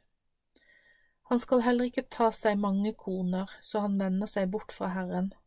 Han skal heller ikke samle seg store mengder sølv eller gull. Når han sitter på tronen i sitt kongerike, skal han få en avskrift av denne loven. Den skal skrives i en bokrull, og den skal være lik den loven som ligger hos prestene. Loven skal være hos kongen, og han skal lese den hver dag resten av livet, for at han skal lære å vise en dyp respekt for Herren sin Gud. Det vil hjelpe ham slik at han ikke opphøyer seg selv over de andre, men passer på å holde alle ordene i denne loven og i disse forskriftene, så han ikke skal vike av fra budet, verken til høyre eller til venstre. Da kan han få mange dager i sitt kongerike Israel. Det gjelder både ham og hans sønner.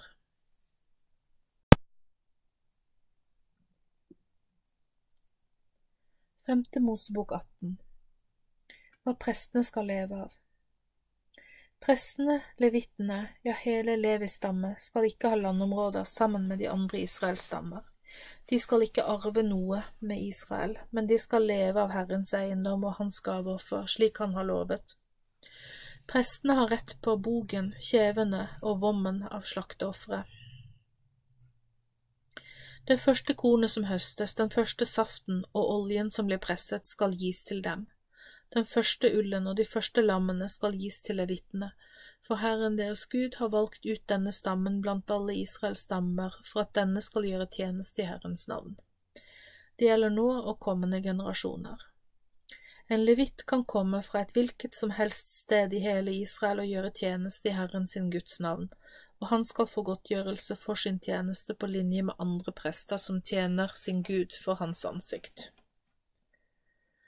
Hold dere unna hedensk gudsdyrkelse. Når du kommer inn i det landet Herren din Gud gir deg, skal du ikke gjøre den avskyelige, det avskyelige som folkeslagene der gjør. Ingen av dere må la barna deres lide i religiøse ritualer, som for eksempel å la dem gå gjennom flammer. Og dere skal heller ikke drive med spådom eller tegntyding, tydning av overnaturlige varsler eller trolldom. Dere skal ikke ta del i å kaste forbannelser eller bruke medium for å mane fram ånder og vær ikke med på spiritisme eller påkalling av døde. For Herren fylles av avsky mot enhver som gjør slikt. På grunn av slike avskyeligheter driver Herren deres Gud dem bort fra dere.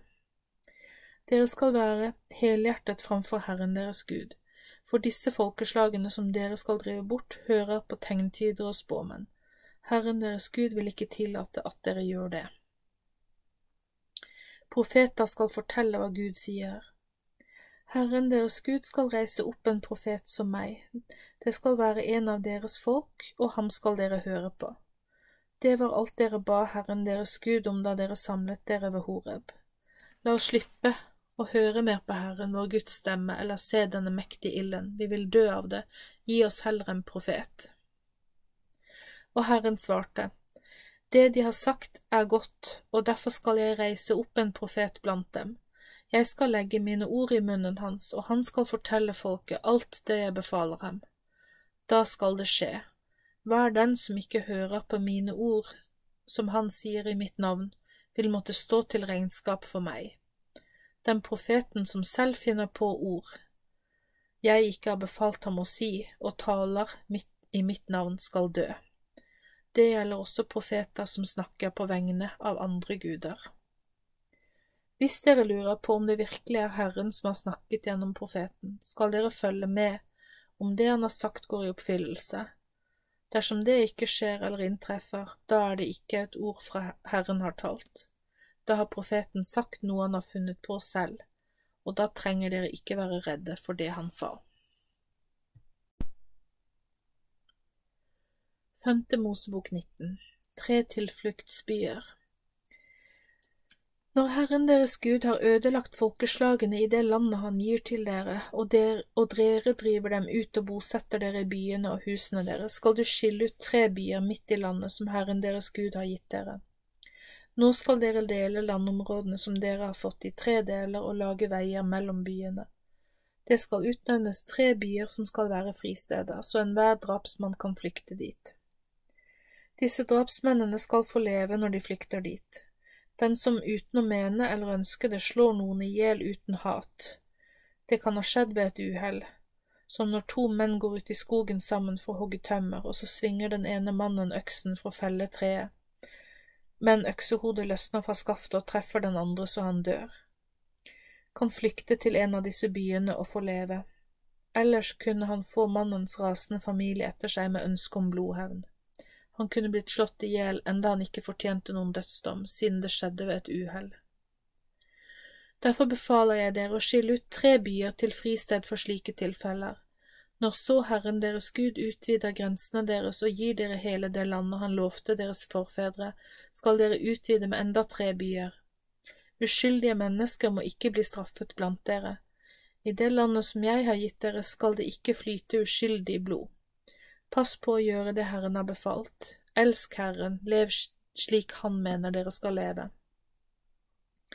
Men dersom noen hater sin neste, legger seg i bakhold, reiser seg mot ham og slår ham så han dør, og han så flykter til en av disse byene, da skal byens ledelse hente ham og overgi den skyldige til hevnerne, så han må dø. Slike mennesker skal ikke behandles med barmhjertighet, men det skal ikke renne uskyldig blod, la ikke det skje i Israel, så det kan gå dere vel. Flytt ikke grensemerker, du skal ikke flytte andres grensemerker som deres forfedre har satt i det landet Herren vil gi deg. Herren deres Gud gir dere eiendom. Loven angående vitner. Uansett hvilken synd en mann har gjort, er det ikke nok at bare ett vitne står fram. På to eller tre vitners ord skal en sak slås fast. Dersom et ondsinnet vitne står frem mot en mann for å vitne mot ham, skal begge mennene som fører sak mot hverandre, stille seg frem for Herren. De skal stå frem for prestene og dommerne som gjør slik rettstjeneste. Dommerne skal undersøke saken nøye, Viser det seg at vitnet er et falskt vitne, skal dere la ham få den straffen som han ønsket for den uskyldige. Slik skal dere rense det onde bort fra deres midte, for dette vil virke avskrekkende.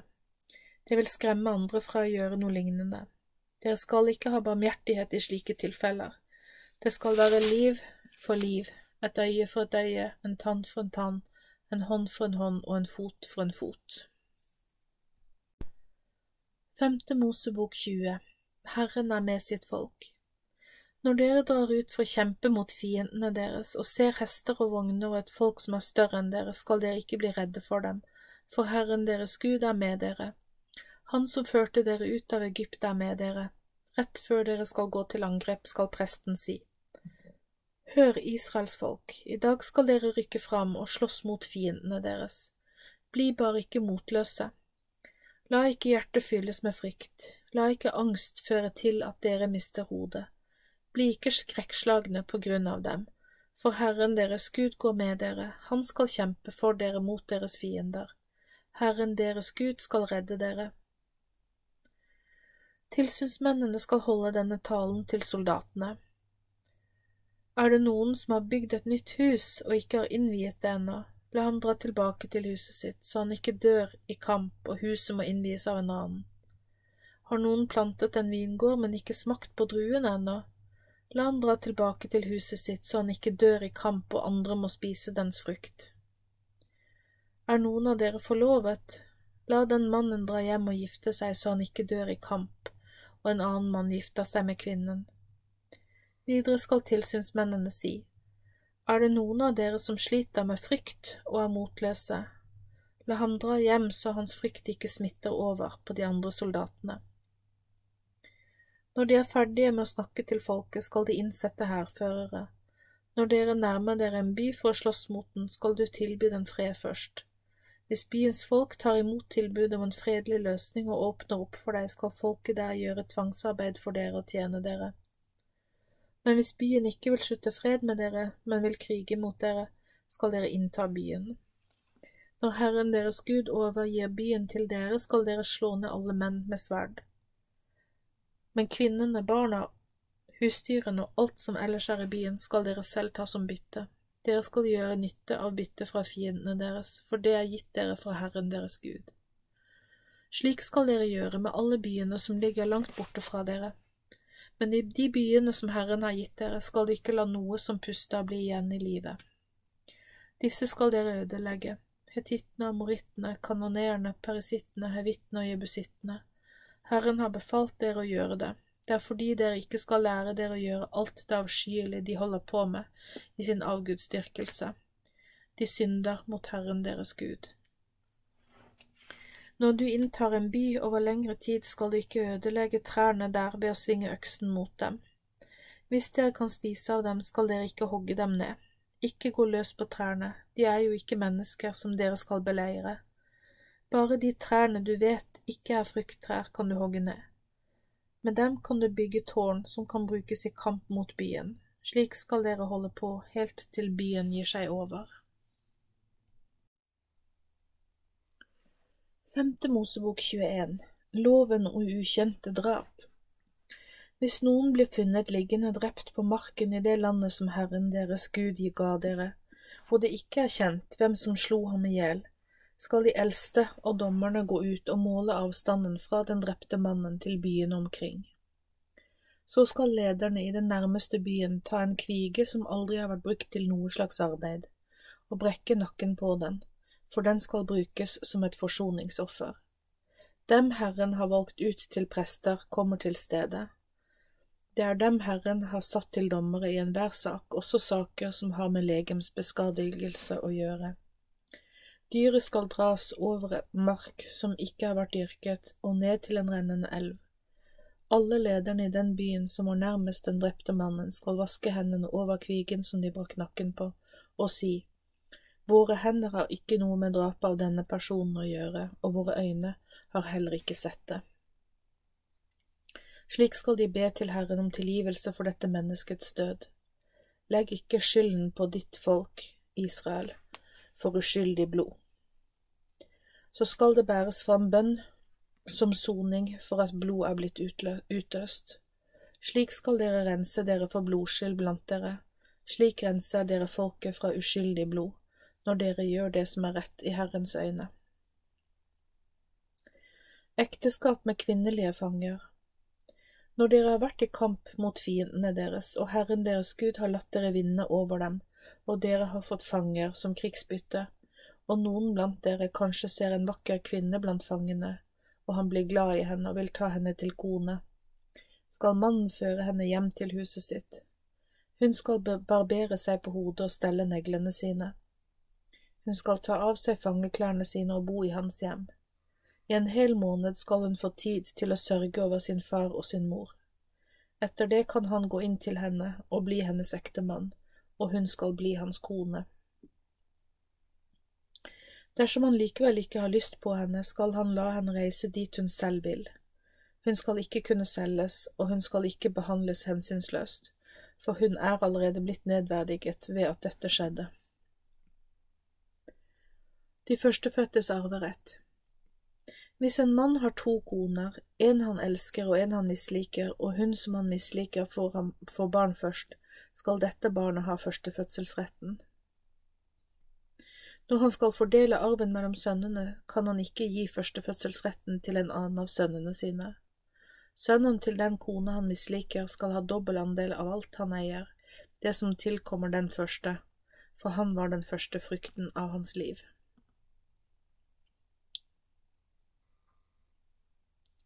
En opprørsk sønn Hvis en mann har en sta og opprørsk sønn som ikke vil lyde sin far eller sin mor, selv om de oppdrar og irettesetter ham, skal foreldrene ta sønnen ut til lederne i byporten og si til dem, Denne sønnen vår er sta og opprørsk, han vil ikke høre på oss. Han er en storeter som stadig drikker seg full. Da skal sønnen få dødsstraff og bli steinet av byens menn, slik skal dere få vekk ondskapen blant dere og det skal være til avskrekkelse for resten av Israels folk. Hengt på et tre, forbannet av Gud. Hvis en mann har gjort en synd som fortjener dødsstraff, og han drepes og henges på et tre, skal liket hans ikke henge på treet natten over. Han skal sannelig begraves samme dag, for den som er hengt er under Guds forbannelse. La ikke noe som er forbannet av Gud, gjøre landet som Herren har gitt dere, urent.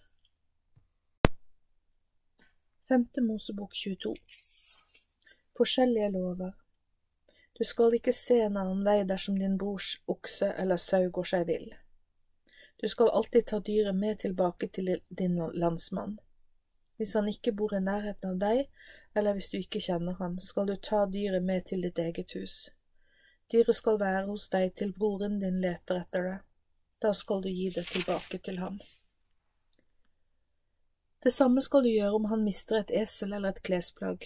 Uansett hva broren din har mistet og du har funnet, så skal du gjøre det samme.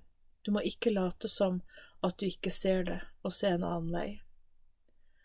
Du skal heller ikke se en annen vei dersom eselet eller oksen til broren din har falt og ligger på veien. Nei, du skal alltid hjelpe ham med å få dyret på beina igjen. En kvinne skal ikke ha på seg klær som tilhører en mann. Heller ikke skal en mann kle seg i kvinneklær, for dette synes Gud er avskyelig. Hvis du ser et fuglerede langs veien i et tre eller på marken med unger eller egg, og moren ligger på ungene eller på eggene, skal du ikke ta bort moren sammen med ungene. Du skal alltid la moren fly bort, men ungene kan du ta. Da kan det gå deg godt, og du vil leve lenge. Når du bygger et hus, skal du lage et rekkverk på taket ditt, på den måten blir du ikke skyldig i at noen faller ned og blir alvorlig skadet eller drept. Du skal ikke så to slags frø samtidig på samme jordstykke, for det kan gi dårlig frukt. Du skal ikke pløye med en okse og et esel samtidig, men en og samme plog. Med en og samme plog. Du skal ikke gå med klær som er vevd sammen av ullgarn og lingarn. Du skal lage dusker i de fire hjørnene av kappen du kler deg med. Ekteskapet er hellig. Hvis en mann tar seg en kone, men så begynner å hate henne og lager falske anklager mot henne, som for eksempel at hun ikke var jomfru da han giftet seg med henne, skal foreldrene hennes vise lakenet fra bryllupsnatten som bevis på at hun var jomfru. Dette beviset skal de jo rette ut foran dommerne, for det er veldig ondsinnet å sette ut slike rykter. Foreldrene skal da forklare at hun var jomfru, men at mannen i ettertid har, la har lagt datteren deres for hat. Da skal dommerne som er, byen, som er byens ledere, ta mannen og straffe ham med en bot på ett kilo sølv. Skal man, det skal mannen måtte gi til faren til den unge kvinnen, fordi han hadde satt ut et ondt rykte over navnet til en jomfru i Israel. Hun skal være hans kone, og han vil, kan ikke skille seg fra henne alle sine levedager. Men hvis denne anklagen er sann, og at det ikke finnes tegn på at den unge kvinnen er jomfru, skal de stille den unge kvinnen foran døra til hjemmet hennes, og hun skal steines der til hun dør. Slik skal det gå henne, for hun har gjort noe så alvorlig galt som å ha sex før hun var gift. Slik skal Israels folk rense bort det som er ondt iblant dem. Hvis en mann blir funnet mens han ligger med en annen manns kone, skal begge dø, både mannen som lå med henne og kvinnen selv. Slik skal dere rense det onde fra Israels folk. Hvis en ung forlovet kvinne treffer en annen mann i byen og han ligger med henne, skal dere føre dem begge ut til porten i byen og steine dem til de dør. Kvinnen er skyldig fordi hun ikke ropte om hjelp, og mannen er skyldig for han gjorde noe så skammelig mot en kvinne som skulle bli en annen manns kone. Slik skal dere rense det onde blant dere. Men dersom en mann treffer en forlovet ung kvinne ute på marken og voldtar henne, er det bare mannen som skal dø. Den unge kvinnen skal du ikke straffe, for hun har ikke gjort noe som gjør henne skyldig til døden. Hun kunne ikke noe for at ingen kunne redde henne da hun skrek om hjelp der ute på marken. For med denne saken er det på samme måten som når en mann møter en annen og dreper ham. Hvis en mann treffer en ung kvinne som er jomfru, men ikke er forlovet, og han griper henne og ligger med henne, og de blir oppdaget, skal den mannen som lå med henne, gi faren til den unge kvinnen et halvt kilo sølv. Deretter skal hun være hans kone fordi han har hatt sex med henne, og han kan ikke skille seg fra henne alle sine levedager. En mann skal ikke ta sin fars kone til ekte, og heller ikke blotte farens seng. Femte Mosebok 23 de som er utelukket fra forsamlingen. Den som har fått kjønnsorganet knust eller kuttet, skal ikke komme inn i Herrens forsamling. En som er født som resultat av uren sex, som for eksempel tempelprostitusjon ved avgudenes templer, skal aldri komme inn i Herrens forsamling. En ammonitt eller moabit som skal heller aldri komme inn i Herrens forsamling, for de møtte dere ikke med brød og vann på veien da dere kom ut av Egypt og fordi kongen av Moa bleide Beliam, sønn av Beor fra Petor i Mesopotamia, til å gå imot deg og forbanne deg. Men Herren deres Gud vil ikke forbanne Israels folk. Han hørte ikke på Biliam, men vendte forbannelsen til velsignelse for dere, fordi Herren deres Gud elsker dere. Derfor skal dere aldri noensinne søke hverken fred eller noe godt for moabittene. Men edomittene skal dere ikke ha noe imot å ta inn i forsamlingen, for de er deres brødre. Heller ikke skal du være negativ til egypterne, dere har jo vært i landet deres.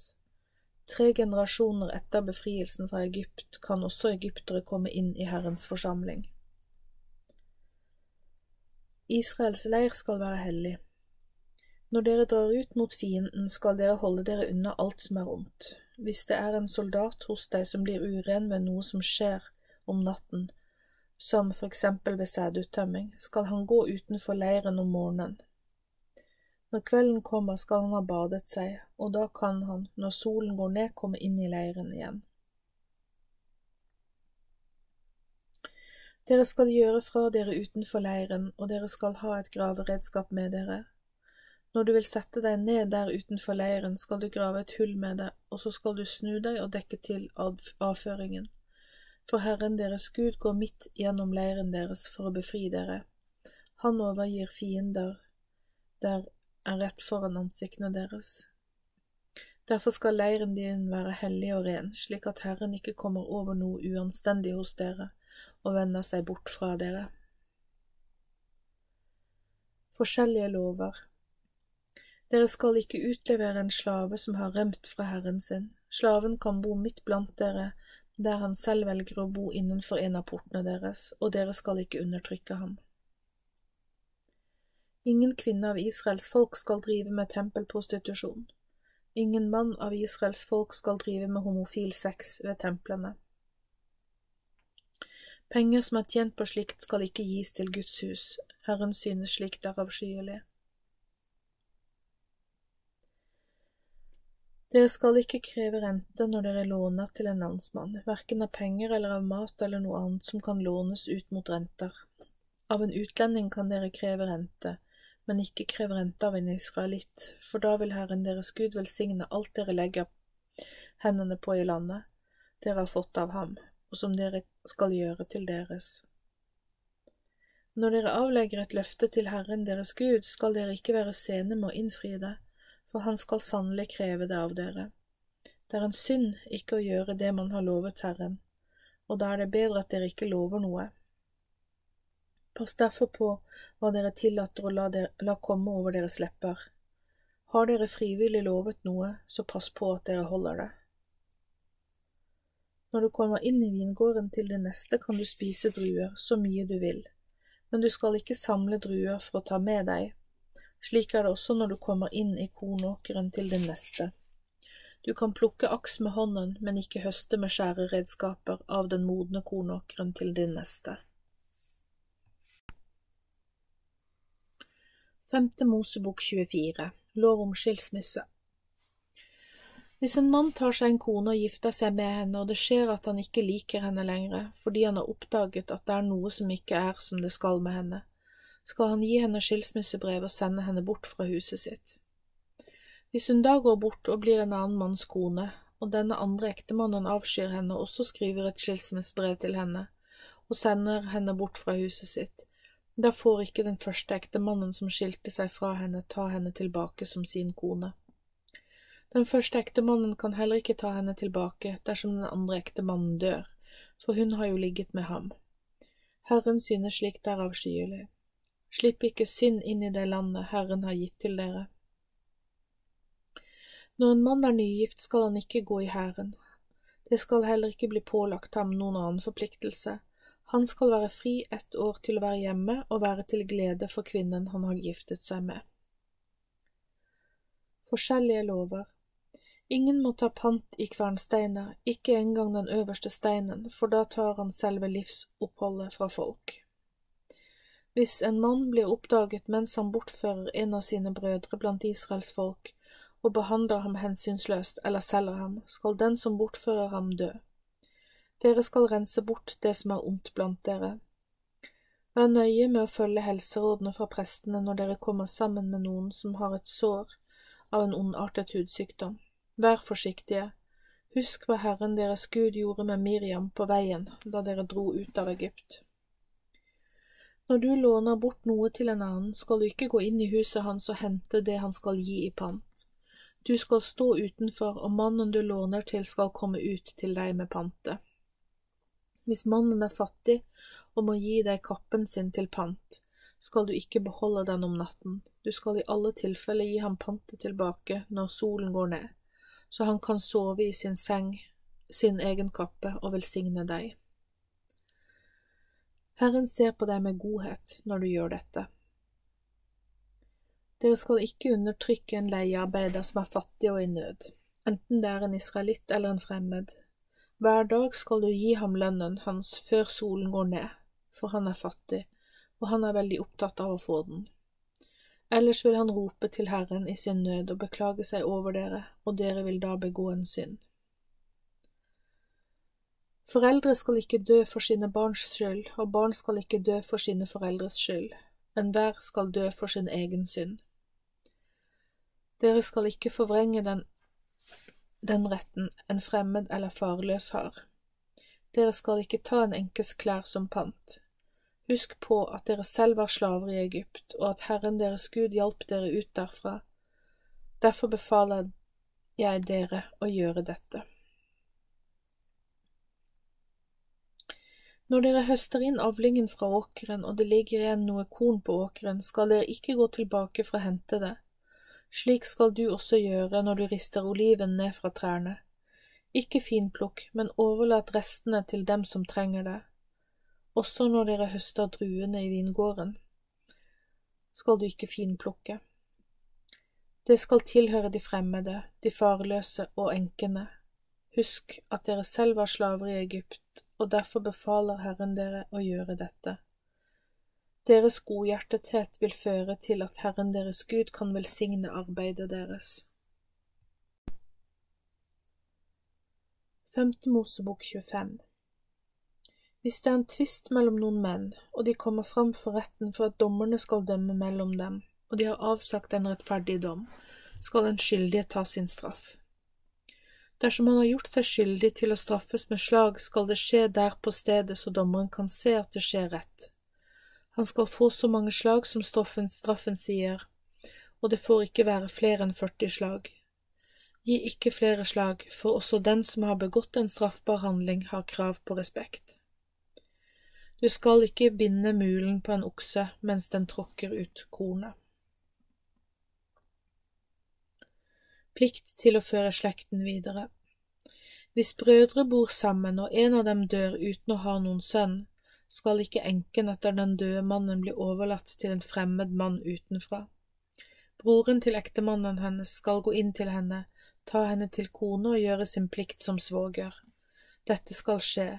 Den sønnen hun får først, skal få navnet til hans døde bror, så navnet hans ikke blir borte. Men dersom mannen ikke har lyst til å gifte seg med sin svigerinne, skal hun gå til de eldste og si, Min svoger nekter å føre sin brors navn videre i Israel, han vil ikke gjøre sin plikt som svoger. Da skal de eldste i byen kalle ham til seg og snakke til ham. Hvis han da står fast på sitt og sier jeg har ikke lyst til å gifte meg med henne, skal hans svigerinne komme fram til ham i nærvær av de eldste, ta sandalen av foten hans, spytte ham i ansiktet svare og si, Slik skal det gjøres med den mann som ikke vil sørge for at navnet til broren hans får leve videre. I Israel fikk slike menns hjem kalle navnet Barfothuset. Han hadde jo blitt fratatt en sko.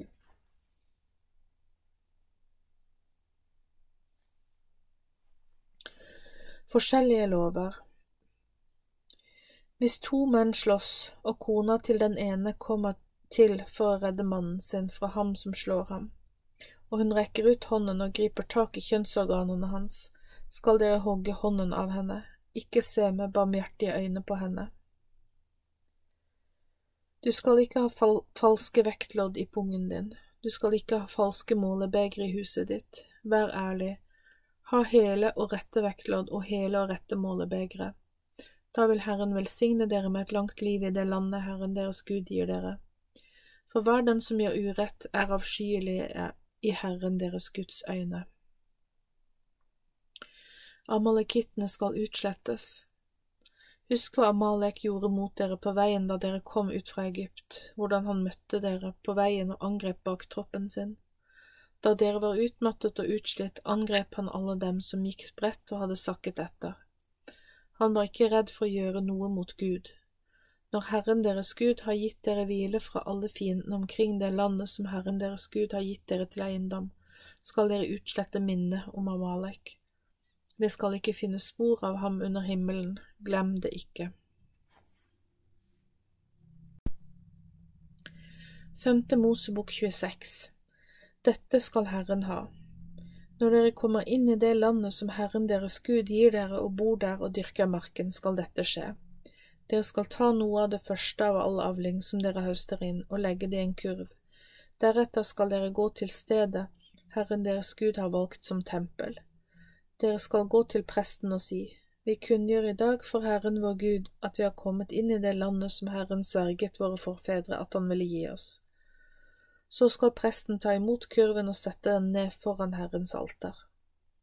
Dette skal dere si til Herren når dere står der foran hans ansikt. Våre forfedre var arameere som holdt på å gå til grunne. De dro ned til Egypt og bodde der med sin lille flokk. Etter hvert ble vi til et stort og mektig folk. Men egypterne mishandlet oss, de så ned på oss og ydmyket oss ved å legge hardt slavearbeid på oss. Da ropte vi til Herren, Han som også var våre forfedres Gud. Herren hørte og så vårt strev og hvordan vi ble undertrykt. Så førte Herren oss ut av Egypt med sin mektige hånd. Han hjalp oss ut med mektige og skremmende tegn og undre. Han har ført oss til dette stedet og har gitt oss dette landet.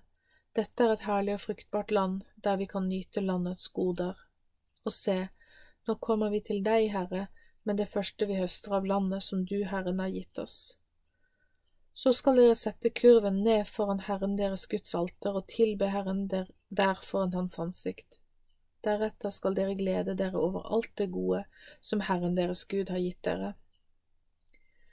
Dere skal ta en tidel av alt dere høster inn, og gi det til Herren ved å la presten, de fremmede blant dere, de som er farløse, og enkene få spise seg mette. I det tredje året dere bor der, og dere er ferdig med å legge til side hele tidelen av avlingen, skal dere si dette til Herren deres Gud. Vi har gitt deg en tidel, for en tidel av alt vi høster inn tilhører deg, slik du selv har sagt. Vi har holdt alle budene dine og ikke glemt noen av dem. Vi har ikke spist noe av den tidelen som tilhører deg, eller gitt noe av den, dette til noen andre det er heller ikke brukt til ofring for døde. Vi har vært lydige mot Herren vår Gud og har sagt og gjort det du har befalt oss. Se ned fra din hellige bolig fra himmelen og velsigne oss, ditt folk Israel, og det landet du har gitt oss, slik du sverget for, for, for våre forfedre. Du sa du ville gi oss et land der vi har rikelig av det vi trenger.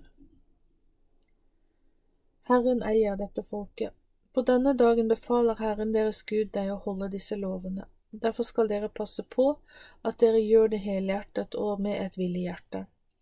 I dag har dere sagt at Herren skal være deres Gud, og at du vil leve etter Hans vilje, høre på Hans stemme og holde Hans bud og forskrifter. I dag har Herren sagt at dere er Hans folk. Han eier dere og vil sette dere høyt over alle folkeslag som Han har skapt. Dere skal bli sett opp til å få et navn folk må respektere. Slik skal dere være et hellig folk for Herren deres Gud, slik Han har sagt.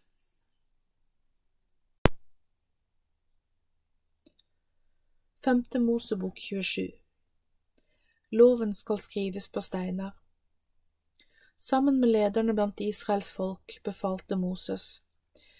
Dere skal holde alt jeg befaler dere i dag, den dagen dere drar over Jordan til det landet Herren deres Gud gir dere, skal dette skje.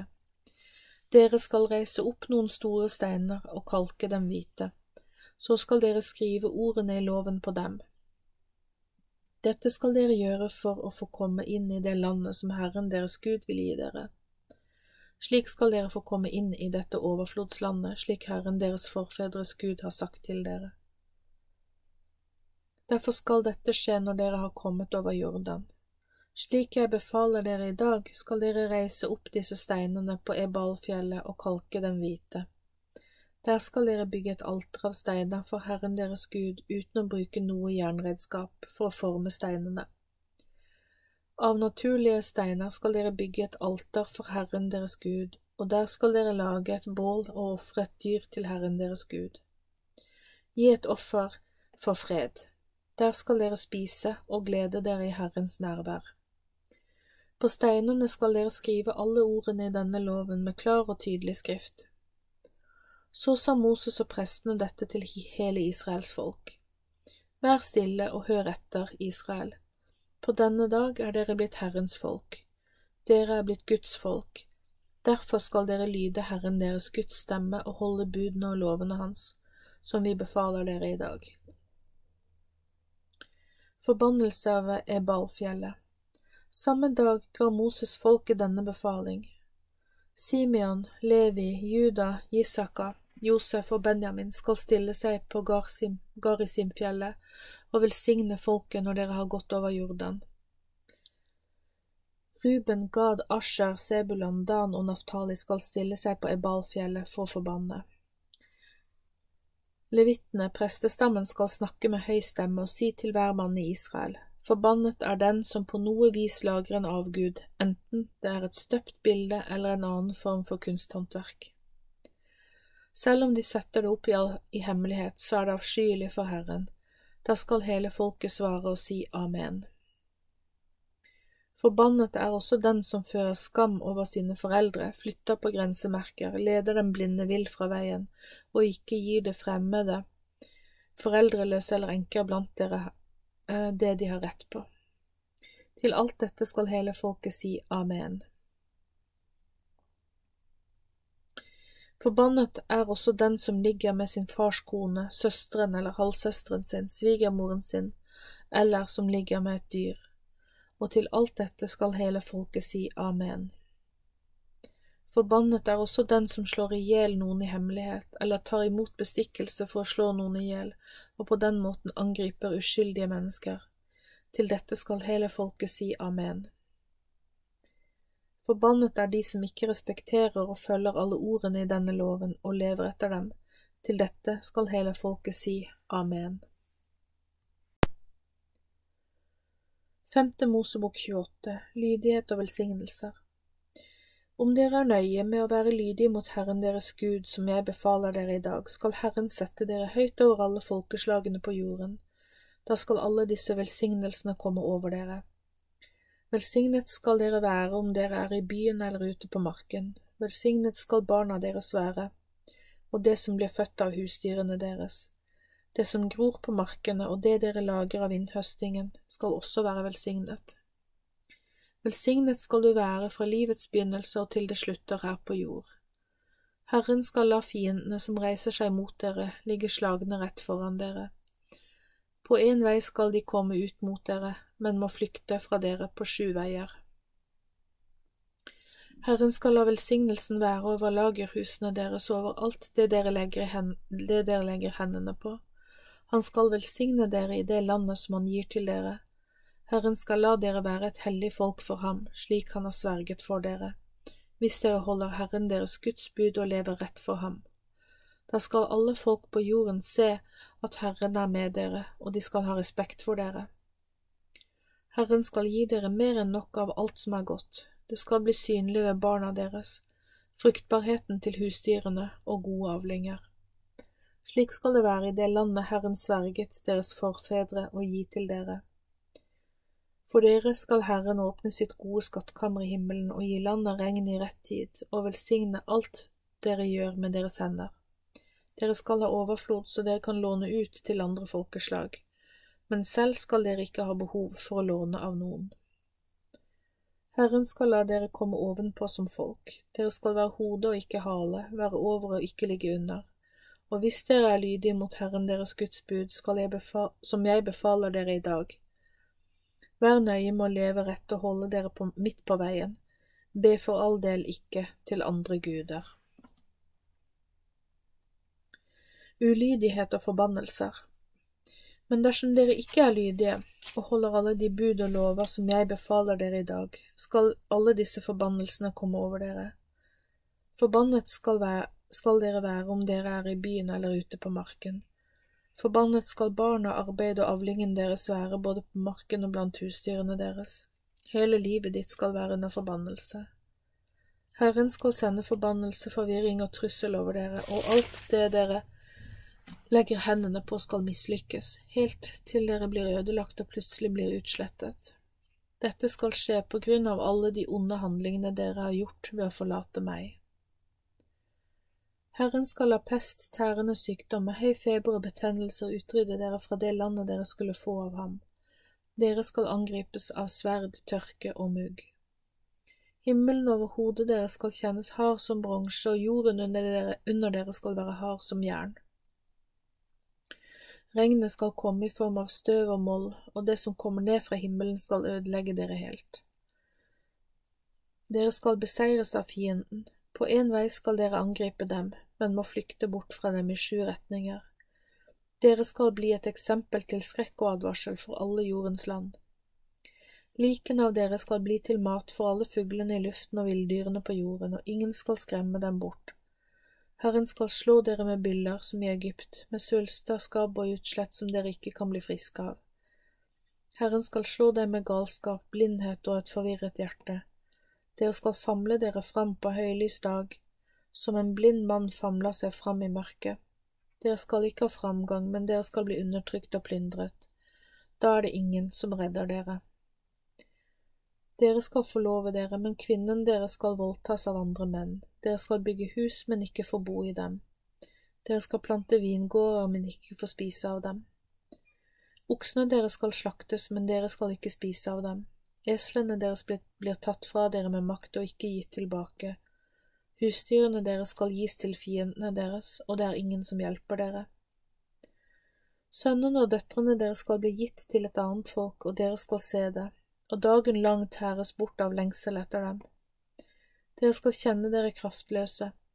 Fremmede skal nyte godt av alt det som var deres, og dere skal bli undertrykt og knust. Slik skal dere bli drevet til galskap på grunn av det øynene deres ser.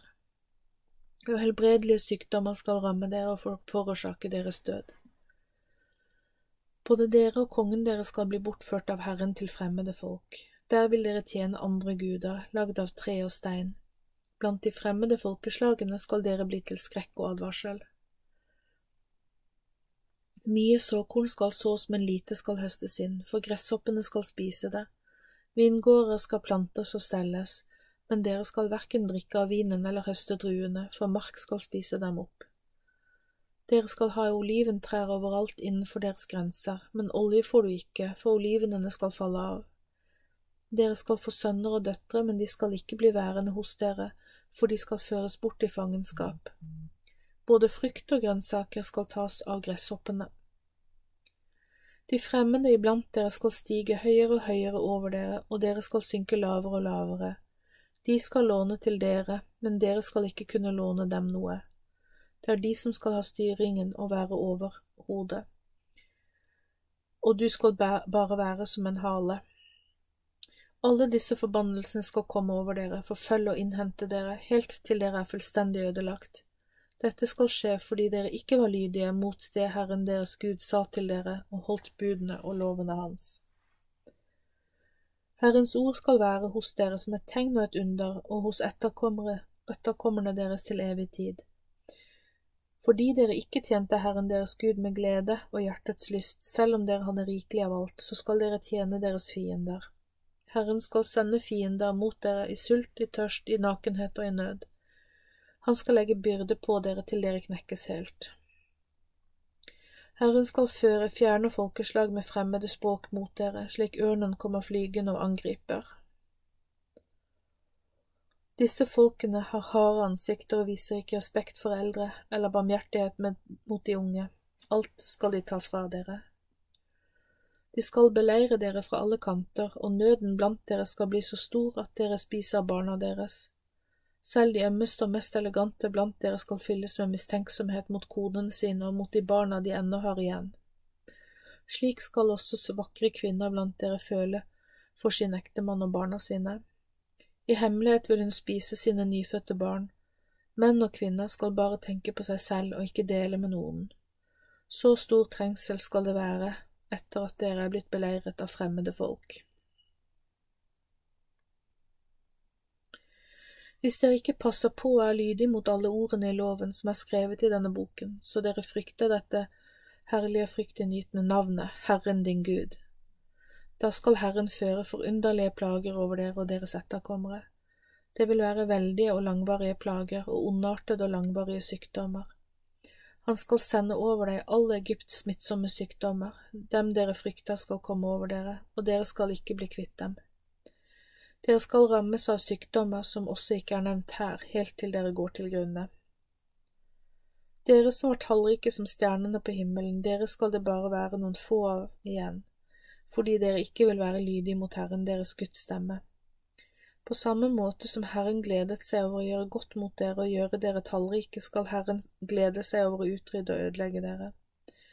Dere skal bli revet bort fra det landet som dere kom inn for å eie.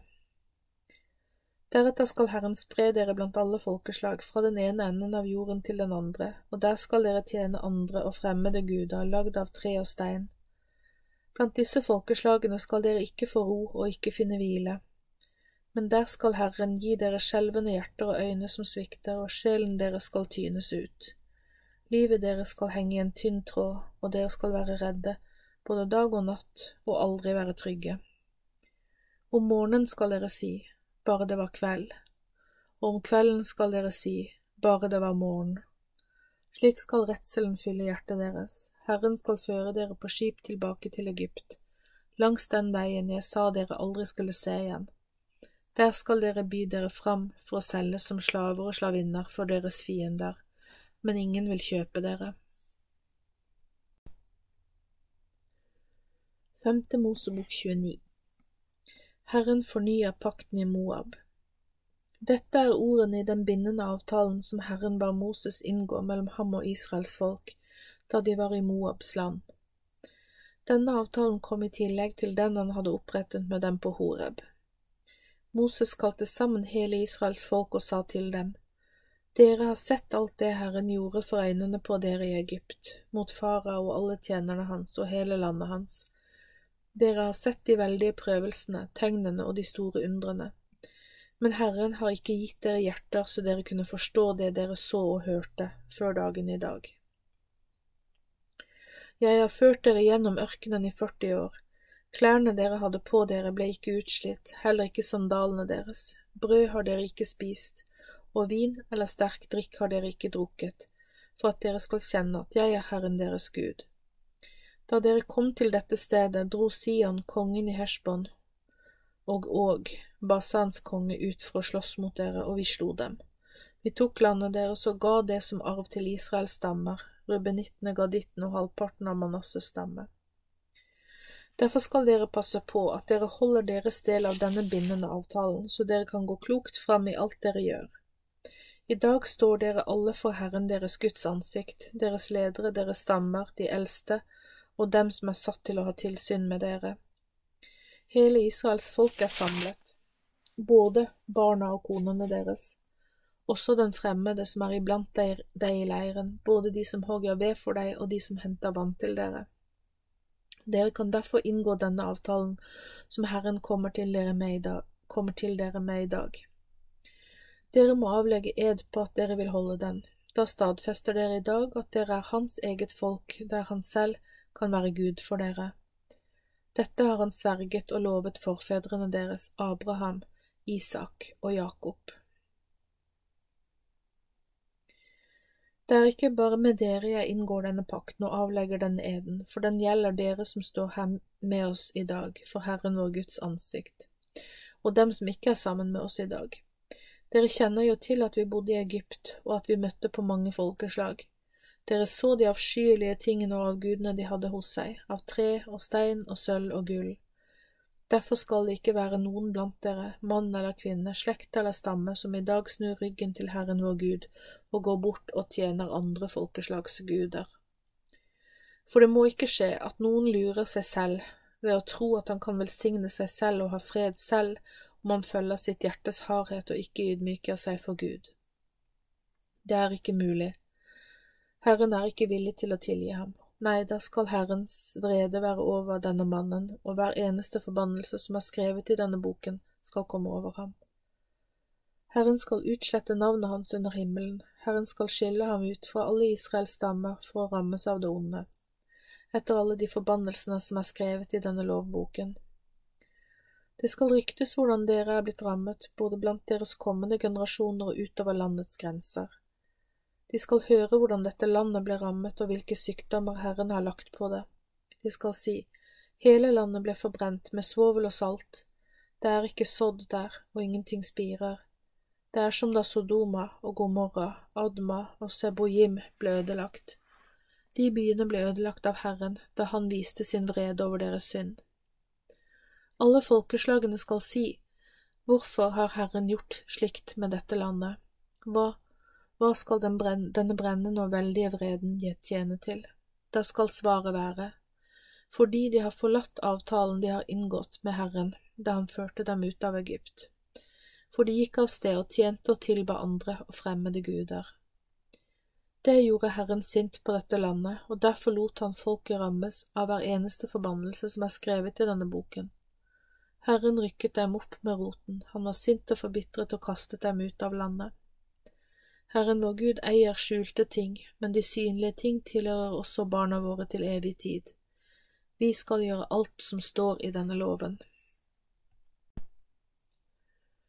Femte Mosbok 30 Omvendelsen og Herrens velsignelse når dere husker på velsignelser og forbannelser som jeg har lagt foran dere, og dere tar det til dere der dere er blant fremmede folkeslag, som Herren deres Gud har drevet dere bort til, er det fortsatt mulig å få snudd situasjonen.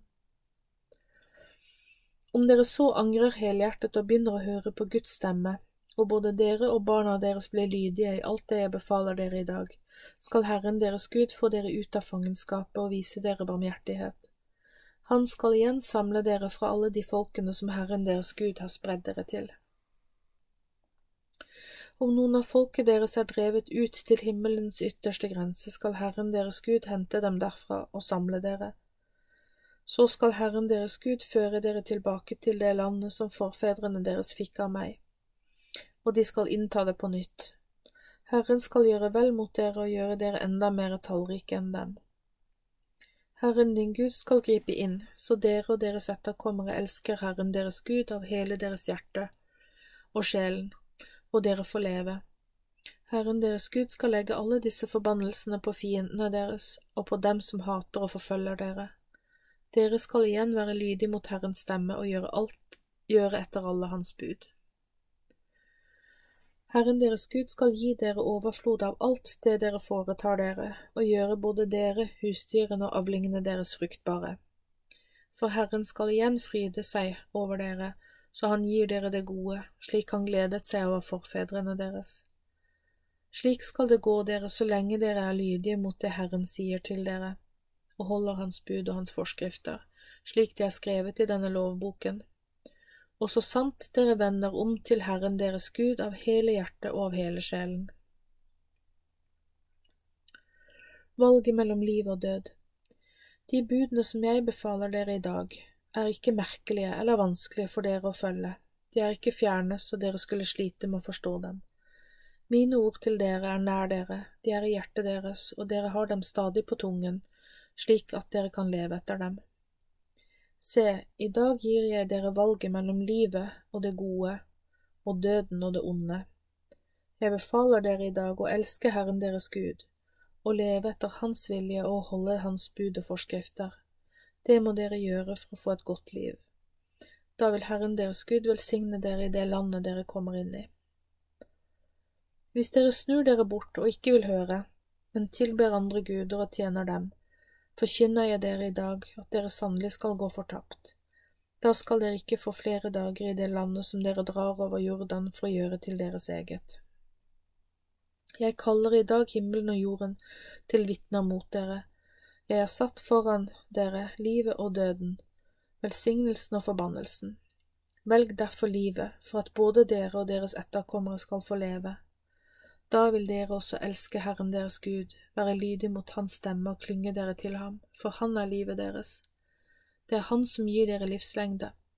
Dere skal få bo i det landet som Herren sverget for forfedrene deres, Abraham, Isak og Jakob, at han ville gi dem.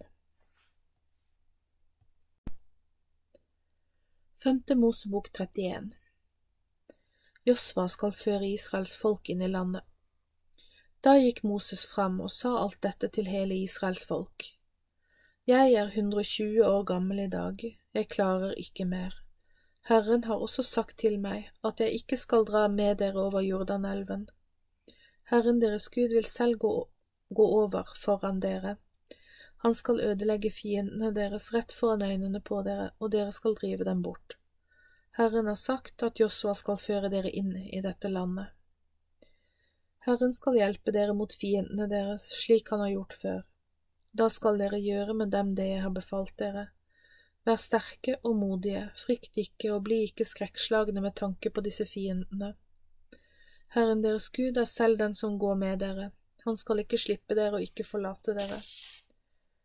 Så kalte Moses på Josva og sa til ham framfor hele Israels folk, Vær sterk og modig, for du skal gå med dette folket inn i landet Herren har lovet dere. Du skal hjelpe dem med å komme inn i det. Herren går foran deg, han skal være med deg, og han skal ikke slippe deg og ikke forlate deg. Frykt ikke og bli ikke redde. Moses skriver ned loven. Så skrev Moses ned denne loven og overga den til folkets ledere og til Levis sønner, de som er prester blant dem. Det var de som hadde ansvaret for å bære arken med steintavlene med de ti budene. Moses ga dem denne befaling. Ved slutten av hvert sjuende år, når hele Israel stiller seg frem for Herren sin Gud, på det stedet som han har valgt, skal dere lese opp denne loven for hele Israel mens de hører på. Dette skal skje på fastlagt tid hvert sjuende år, som er ettergivelsesåret, og det skal skje under løvhyttefesten. Dere skal kalle sammen hele folket, menn og kvinner og barn og de fremmede som bor i landet deres, for at alle skal høre og respektere Herren deres Gud. Slik vil de kunne passe på at de følger loven. Slik skal også de yngre generasjonene høre den og få respekt for Herren deres Gud. Da vil det gå dem vel, og deres folk skal leve lenge i landet. Herrens siste befaling til Moses. Så sa Herren til Moses, Se, din dødsdag nærmer seg. Kall på Josva og still dere fram i åpenbaringsteltet, så jeg kan innsette ham. Så stilte Moses og Josva seg fram i åpenbaringsteltet. Da viste Herren seg ved teltet. De så ham som en sky med form som en søyle. Den sto over døren til åpenbaringsteltet. Herren sa til Moses, Se, du skal få dø nå, og finne hvile hos forfedrene dine. Da skal dette folket stå opp og være utro mot meg ved å tilbe avgudene i det landet de kommer inn i. De skal forlate meg og bryte den bindende avtalen jeg har inngått med dem.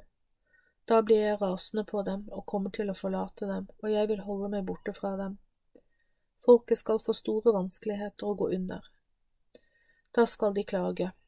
Er det ikke fordi vår Gud har forlatt oss at, at dette onde har rammet oss? Jeg skal sannelig skjule meg for dem på den dagen fordi de har tilbedt andre guder. Derfor skal du nå skrive ned denne sangen for Israels folk. La dem lære den godt, for denne sangen skal være et vitnesbyrd mot dem.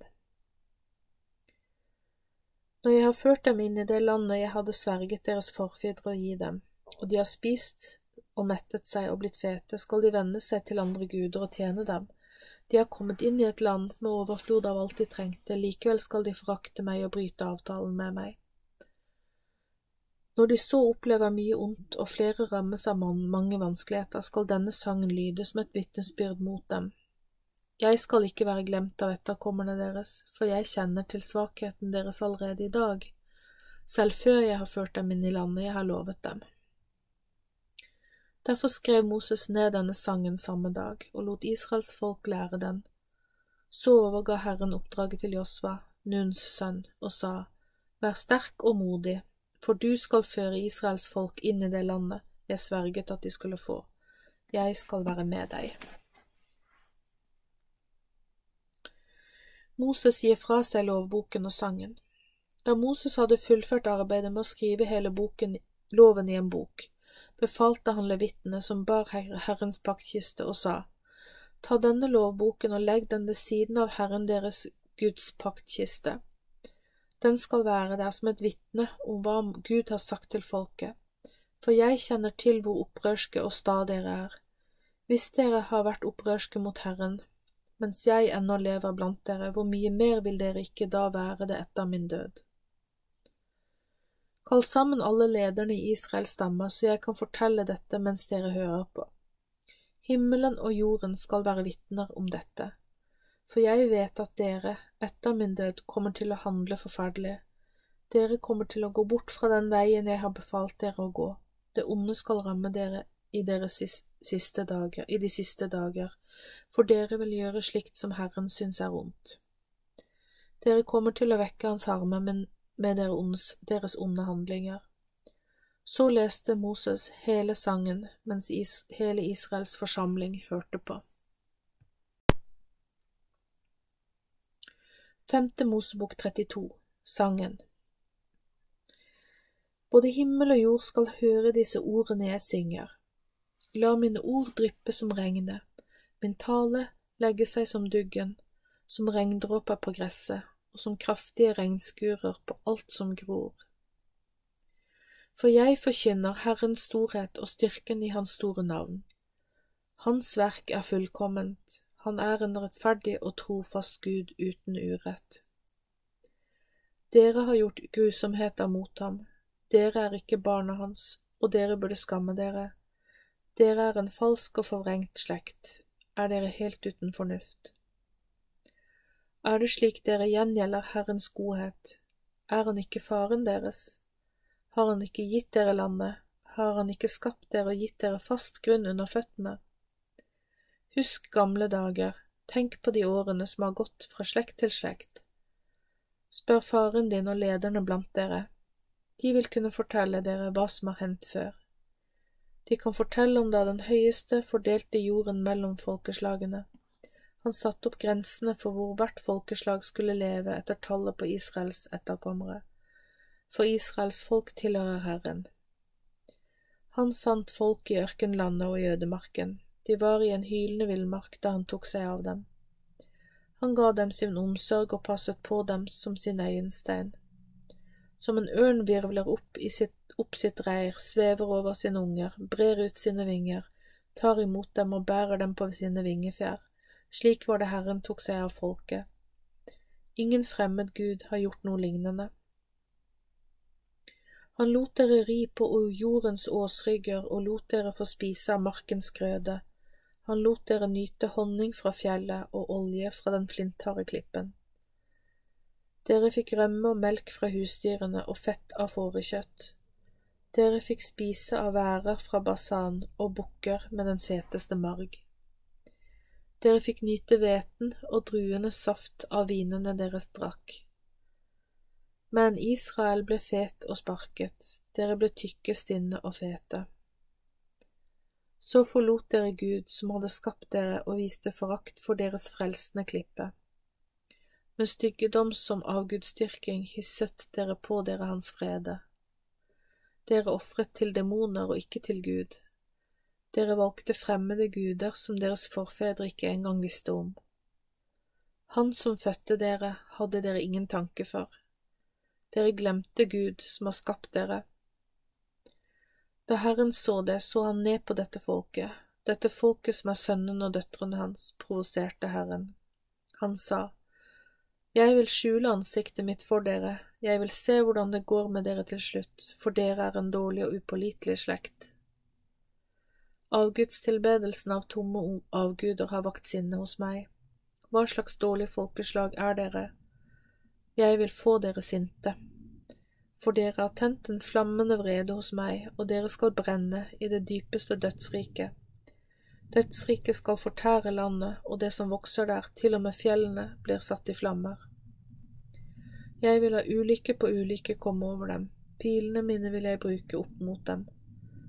De skal sulte, lide av sykdom, tas av villdyr og bli ødelagt. Det skal være kampfullt både ute og inne. I hjemmene skal frykten ta både småbarn, ungdom og eldre. Hadde det ikke vært for at fiendene deres ville tatt æren for det, så skulle jeg for den unge mann og jomfruen, for de er barnet og den gråhårede mann, knust dette folket i småbiter og utslettet minnet om dem blant menneskene. For de er et folk der ingen gir kloke råd, og det er ingen forstand hos dem. Hadde de bare vært kloke, så hadde de kunnet skjønne dette og forstått hvor ille dette ville ende. Hvordan er det mulig at de ikke forstår at det var jeg som var med dem da én kunne jage tusen og to klarte å drive ti tusen på flukt? Hadde det vært mulig uten hjelp fra meg, deres klippe, men dere er forskrudde, dere ser helt annerledes på ting, selv fiendene deres kunne bedømt dette bedre enn dere. Dere søker trygghet på en helt annen plass enn hos meg, dere har latt dere infisere av synden. Dere drikker vin fra Sodomas vintre og spiser de bitre druene fra Gomorras marker. Dere har gjort den grusomme giften fra kobraer til vinen deres. Er ikke alt dette i forvaring hos meg, forseglet i skattkammeret mitt? Meg hører hevnen og gjengjeldelsen til, deres fot skal svikte i sin tid, for dagen for deres ulykke er nær. Det som er beredt for dem, skal komme brått over dem. For Herren skal dømme sitt folk og ha medynk med sine tjenere når han ser at kraften deres er svunnet, og det er ingen igjen, hverken slave eller fri. Han skal da si, Hvor er de guder dere søkte hjelp hos, dem dere ofret til, la dem stå opp og hjelpe dere, la dem være deres beskytter. Se nå at jeg, ja, jeg er Han, og det er ingen guder foruten meg, jeg slår i hjel og gjør levende, jeg sårer og jeg leger, ingen er sterkere enn meg. For jeg løfter min hånd til himmelen og sier, Så sant jeg lever til evig tid, når jeg kvesser det lynende sverdet mitt og tar dommen i hånden min, skal jeg ta hevn over fiendene mine, og dem som hater meg skal jeg gjengjelde. Jeg skal gjøre pilene mine fulle av blod, og sverdet mitt skal angripe. Fiendens folk og ledere skal dø. Juble over hans folk, dere folkeslag, for Herren tar hevn over angrep på hans tjenere. Han gjengjelder og tar hevn over sine fiender. Han skal gi soning for landet og folket sitt. Moses stilte seg fram sammen med Josva, Nuns sønn, og fremførte denne sangen mens folket hørte på. Da han var ferdig med sangen, sa han til folket, Ta til dere alle disse ordene jeg har sagt dere i dag Sørg for at barna deres lærer hvordan de skal leve rett etter Guds bud og forskrifter. Disse ordene er ikke tomme, men de er livet deres. Følg dem og lev lenge det landet jeg vil gi dere på den andre siden av Jordan for å ta det i eie. Moses dør. Samme dag sa Herren til Moses, gå opp på Abarimfjellet, Nebofjellet som ligger i landet Moab, rett overfor Jeriko. Se over til Kanans land. Der ser du landområdene som jeg vil gi Israels folk. På fjellet der skal du dø og bli forenet med forfedrene dine, slik broren din Aron døde på fjellet Hor. Dette skal skje fordi dere viste utroskap mot meg midt blant Israels barn ved Meribas vann i Kadesh i Sinai-ørkenen, og fordi dere ikke løftet meg opp, meg som den eneste hellige midt blant Israels folk. Men du skal få se landet rett foran deg, selv om du ikke skal få komme inn i det landet som jeg vil gi til Israels folk. Femte Mosebok 33 Moses velsigner Israel Dette er den velsignelsen som gudsmannen Moses velsignet Israels barn med før han døde. Han sa, Herren kom fra fjellet Sinai med titusener av hellige da han hadde mottatt loven og budene. Fra den høyre hånden hans sto den lysende flamme. Ja, han elsker folket, alle dem som, valgt, som han har valgt ut, sitter ned ved føttene dine og tar imot ordene dine. For Moses har gitt oss en lov, og den skal gå i arv hos Israels folk. Herren var konge for Israels folk da ledere av folkets stammer, kom sammen. Måtte Ruben leve og la ikke mennene i stammen hans bli få. Herre, hør soldaten Judas stemme, og før ham til sitt folk, måtte han vinne i krig, og vær du en hjelp mot hans fiender. Om Levi sa han, må dere som dommere være rettferdige, dere hadde troen på hjelpen min da de andre stammene tvilte. Dere har tatt vare på Herrens ord og vernet om den bindende avtalen Herren har med folket. De skal lære Israels folk Herrens lover og Hans vilje. De skal legge røkelse framfor Herren og et offer på Hans alter. Herre, velsigne kraften hos levittene. Vis at du setter pris på deres arbeid. Knus hoftene på dem som går imot ham, og på dere som hater ham, så de ikke reiser seg igjen. Om Benjamin sa han, Han er Herrens elskede, og han skal bo i trygghet hos Herren. Herren er rundt Benjamin hele dagen, for han får bo i Herrens nærhet. Om Josef sa han, Hans land er velsignet av Herren, Landet får dugg om morgenen og herlige frukter som vokser fram under solen. De får herlige avlinger ved det ypperste fra gamle fjell og de herligste vekster fra jordens evige høyder. Det skjer ved hjelp av nåde fra ham som bodde i tornebusken.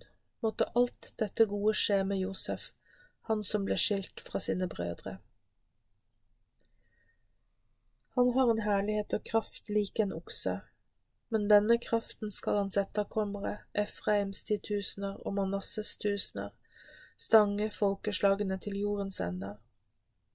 Josefs etterfølgere skal få styrke og mot. Om Sebulon sa han, gled deg, Sebulon, i utgangen din, og du, Gisakar, i teltene dine, på fjellet skal de ofre for å bli rene for Herren. De skal slå seg ned ved kysten og suge til seg overfloden fra havet og skattene som er skjult i sanden. Om Gad sa han, Velsignet skal de være som gir plass til Gad. Han forsvarer dere, for hans stamme ligger klar som en løvinne for å rive fiendene i stykker.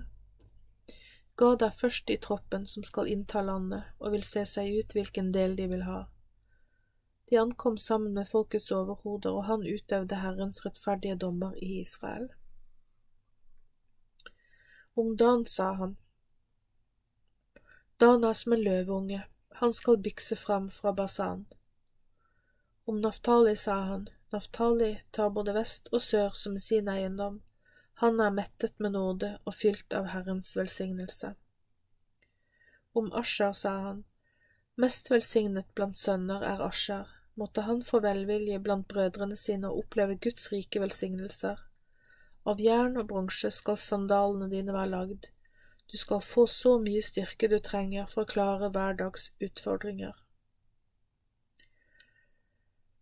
Ingen er som Israels Gud, han rir på himlene for å hjelpe deg, i sin majestet kommer han i skyene, hos ham, den evige Gud, er det trygt. Han rekker evige armer ned til oss, han skal drive bort fiendene deres og befale at de ødelegges. Da skal Israel bo i trygghet. Jakob skal ha vannkildene for seg selv i et land med overflod av korn og saft. Ja, hans himler skal dryppe av dugg. Velsignet er du, Israels folk, hvem er det som du? Hvilke andre folk blir reddet av Herren? Han er skjoldet som gir deg hjelp, og sverdet som markerer din majestet. Fiendene dine skal krype for deg, og du skal trampe dem ned. Femte Mosebok 34 Moses dør og begraves av Gud. Så gikk Moses opp fra Moabslettene til Nebofjellet. Han gikk til toppen av Piska, som ligger rett overfor Jeriko. Herren viste ham hele landet, fra Gilead til Dan, hele Naftali og landet til Efraim og Manasseh, hele landet til Juda, helt til Vesthavet. Han viste Moses landet i sør og slettene i Jerikodalen, byen med palmetrærne helt til Soar.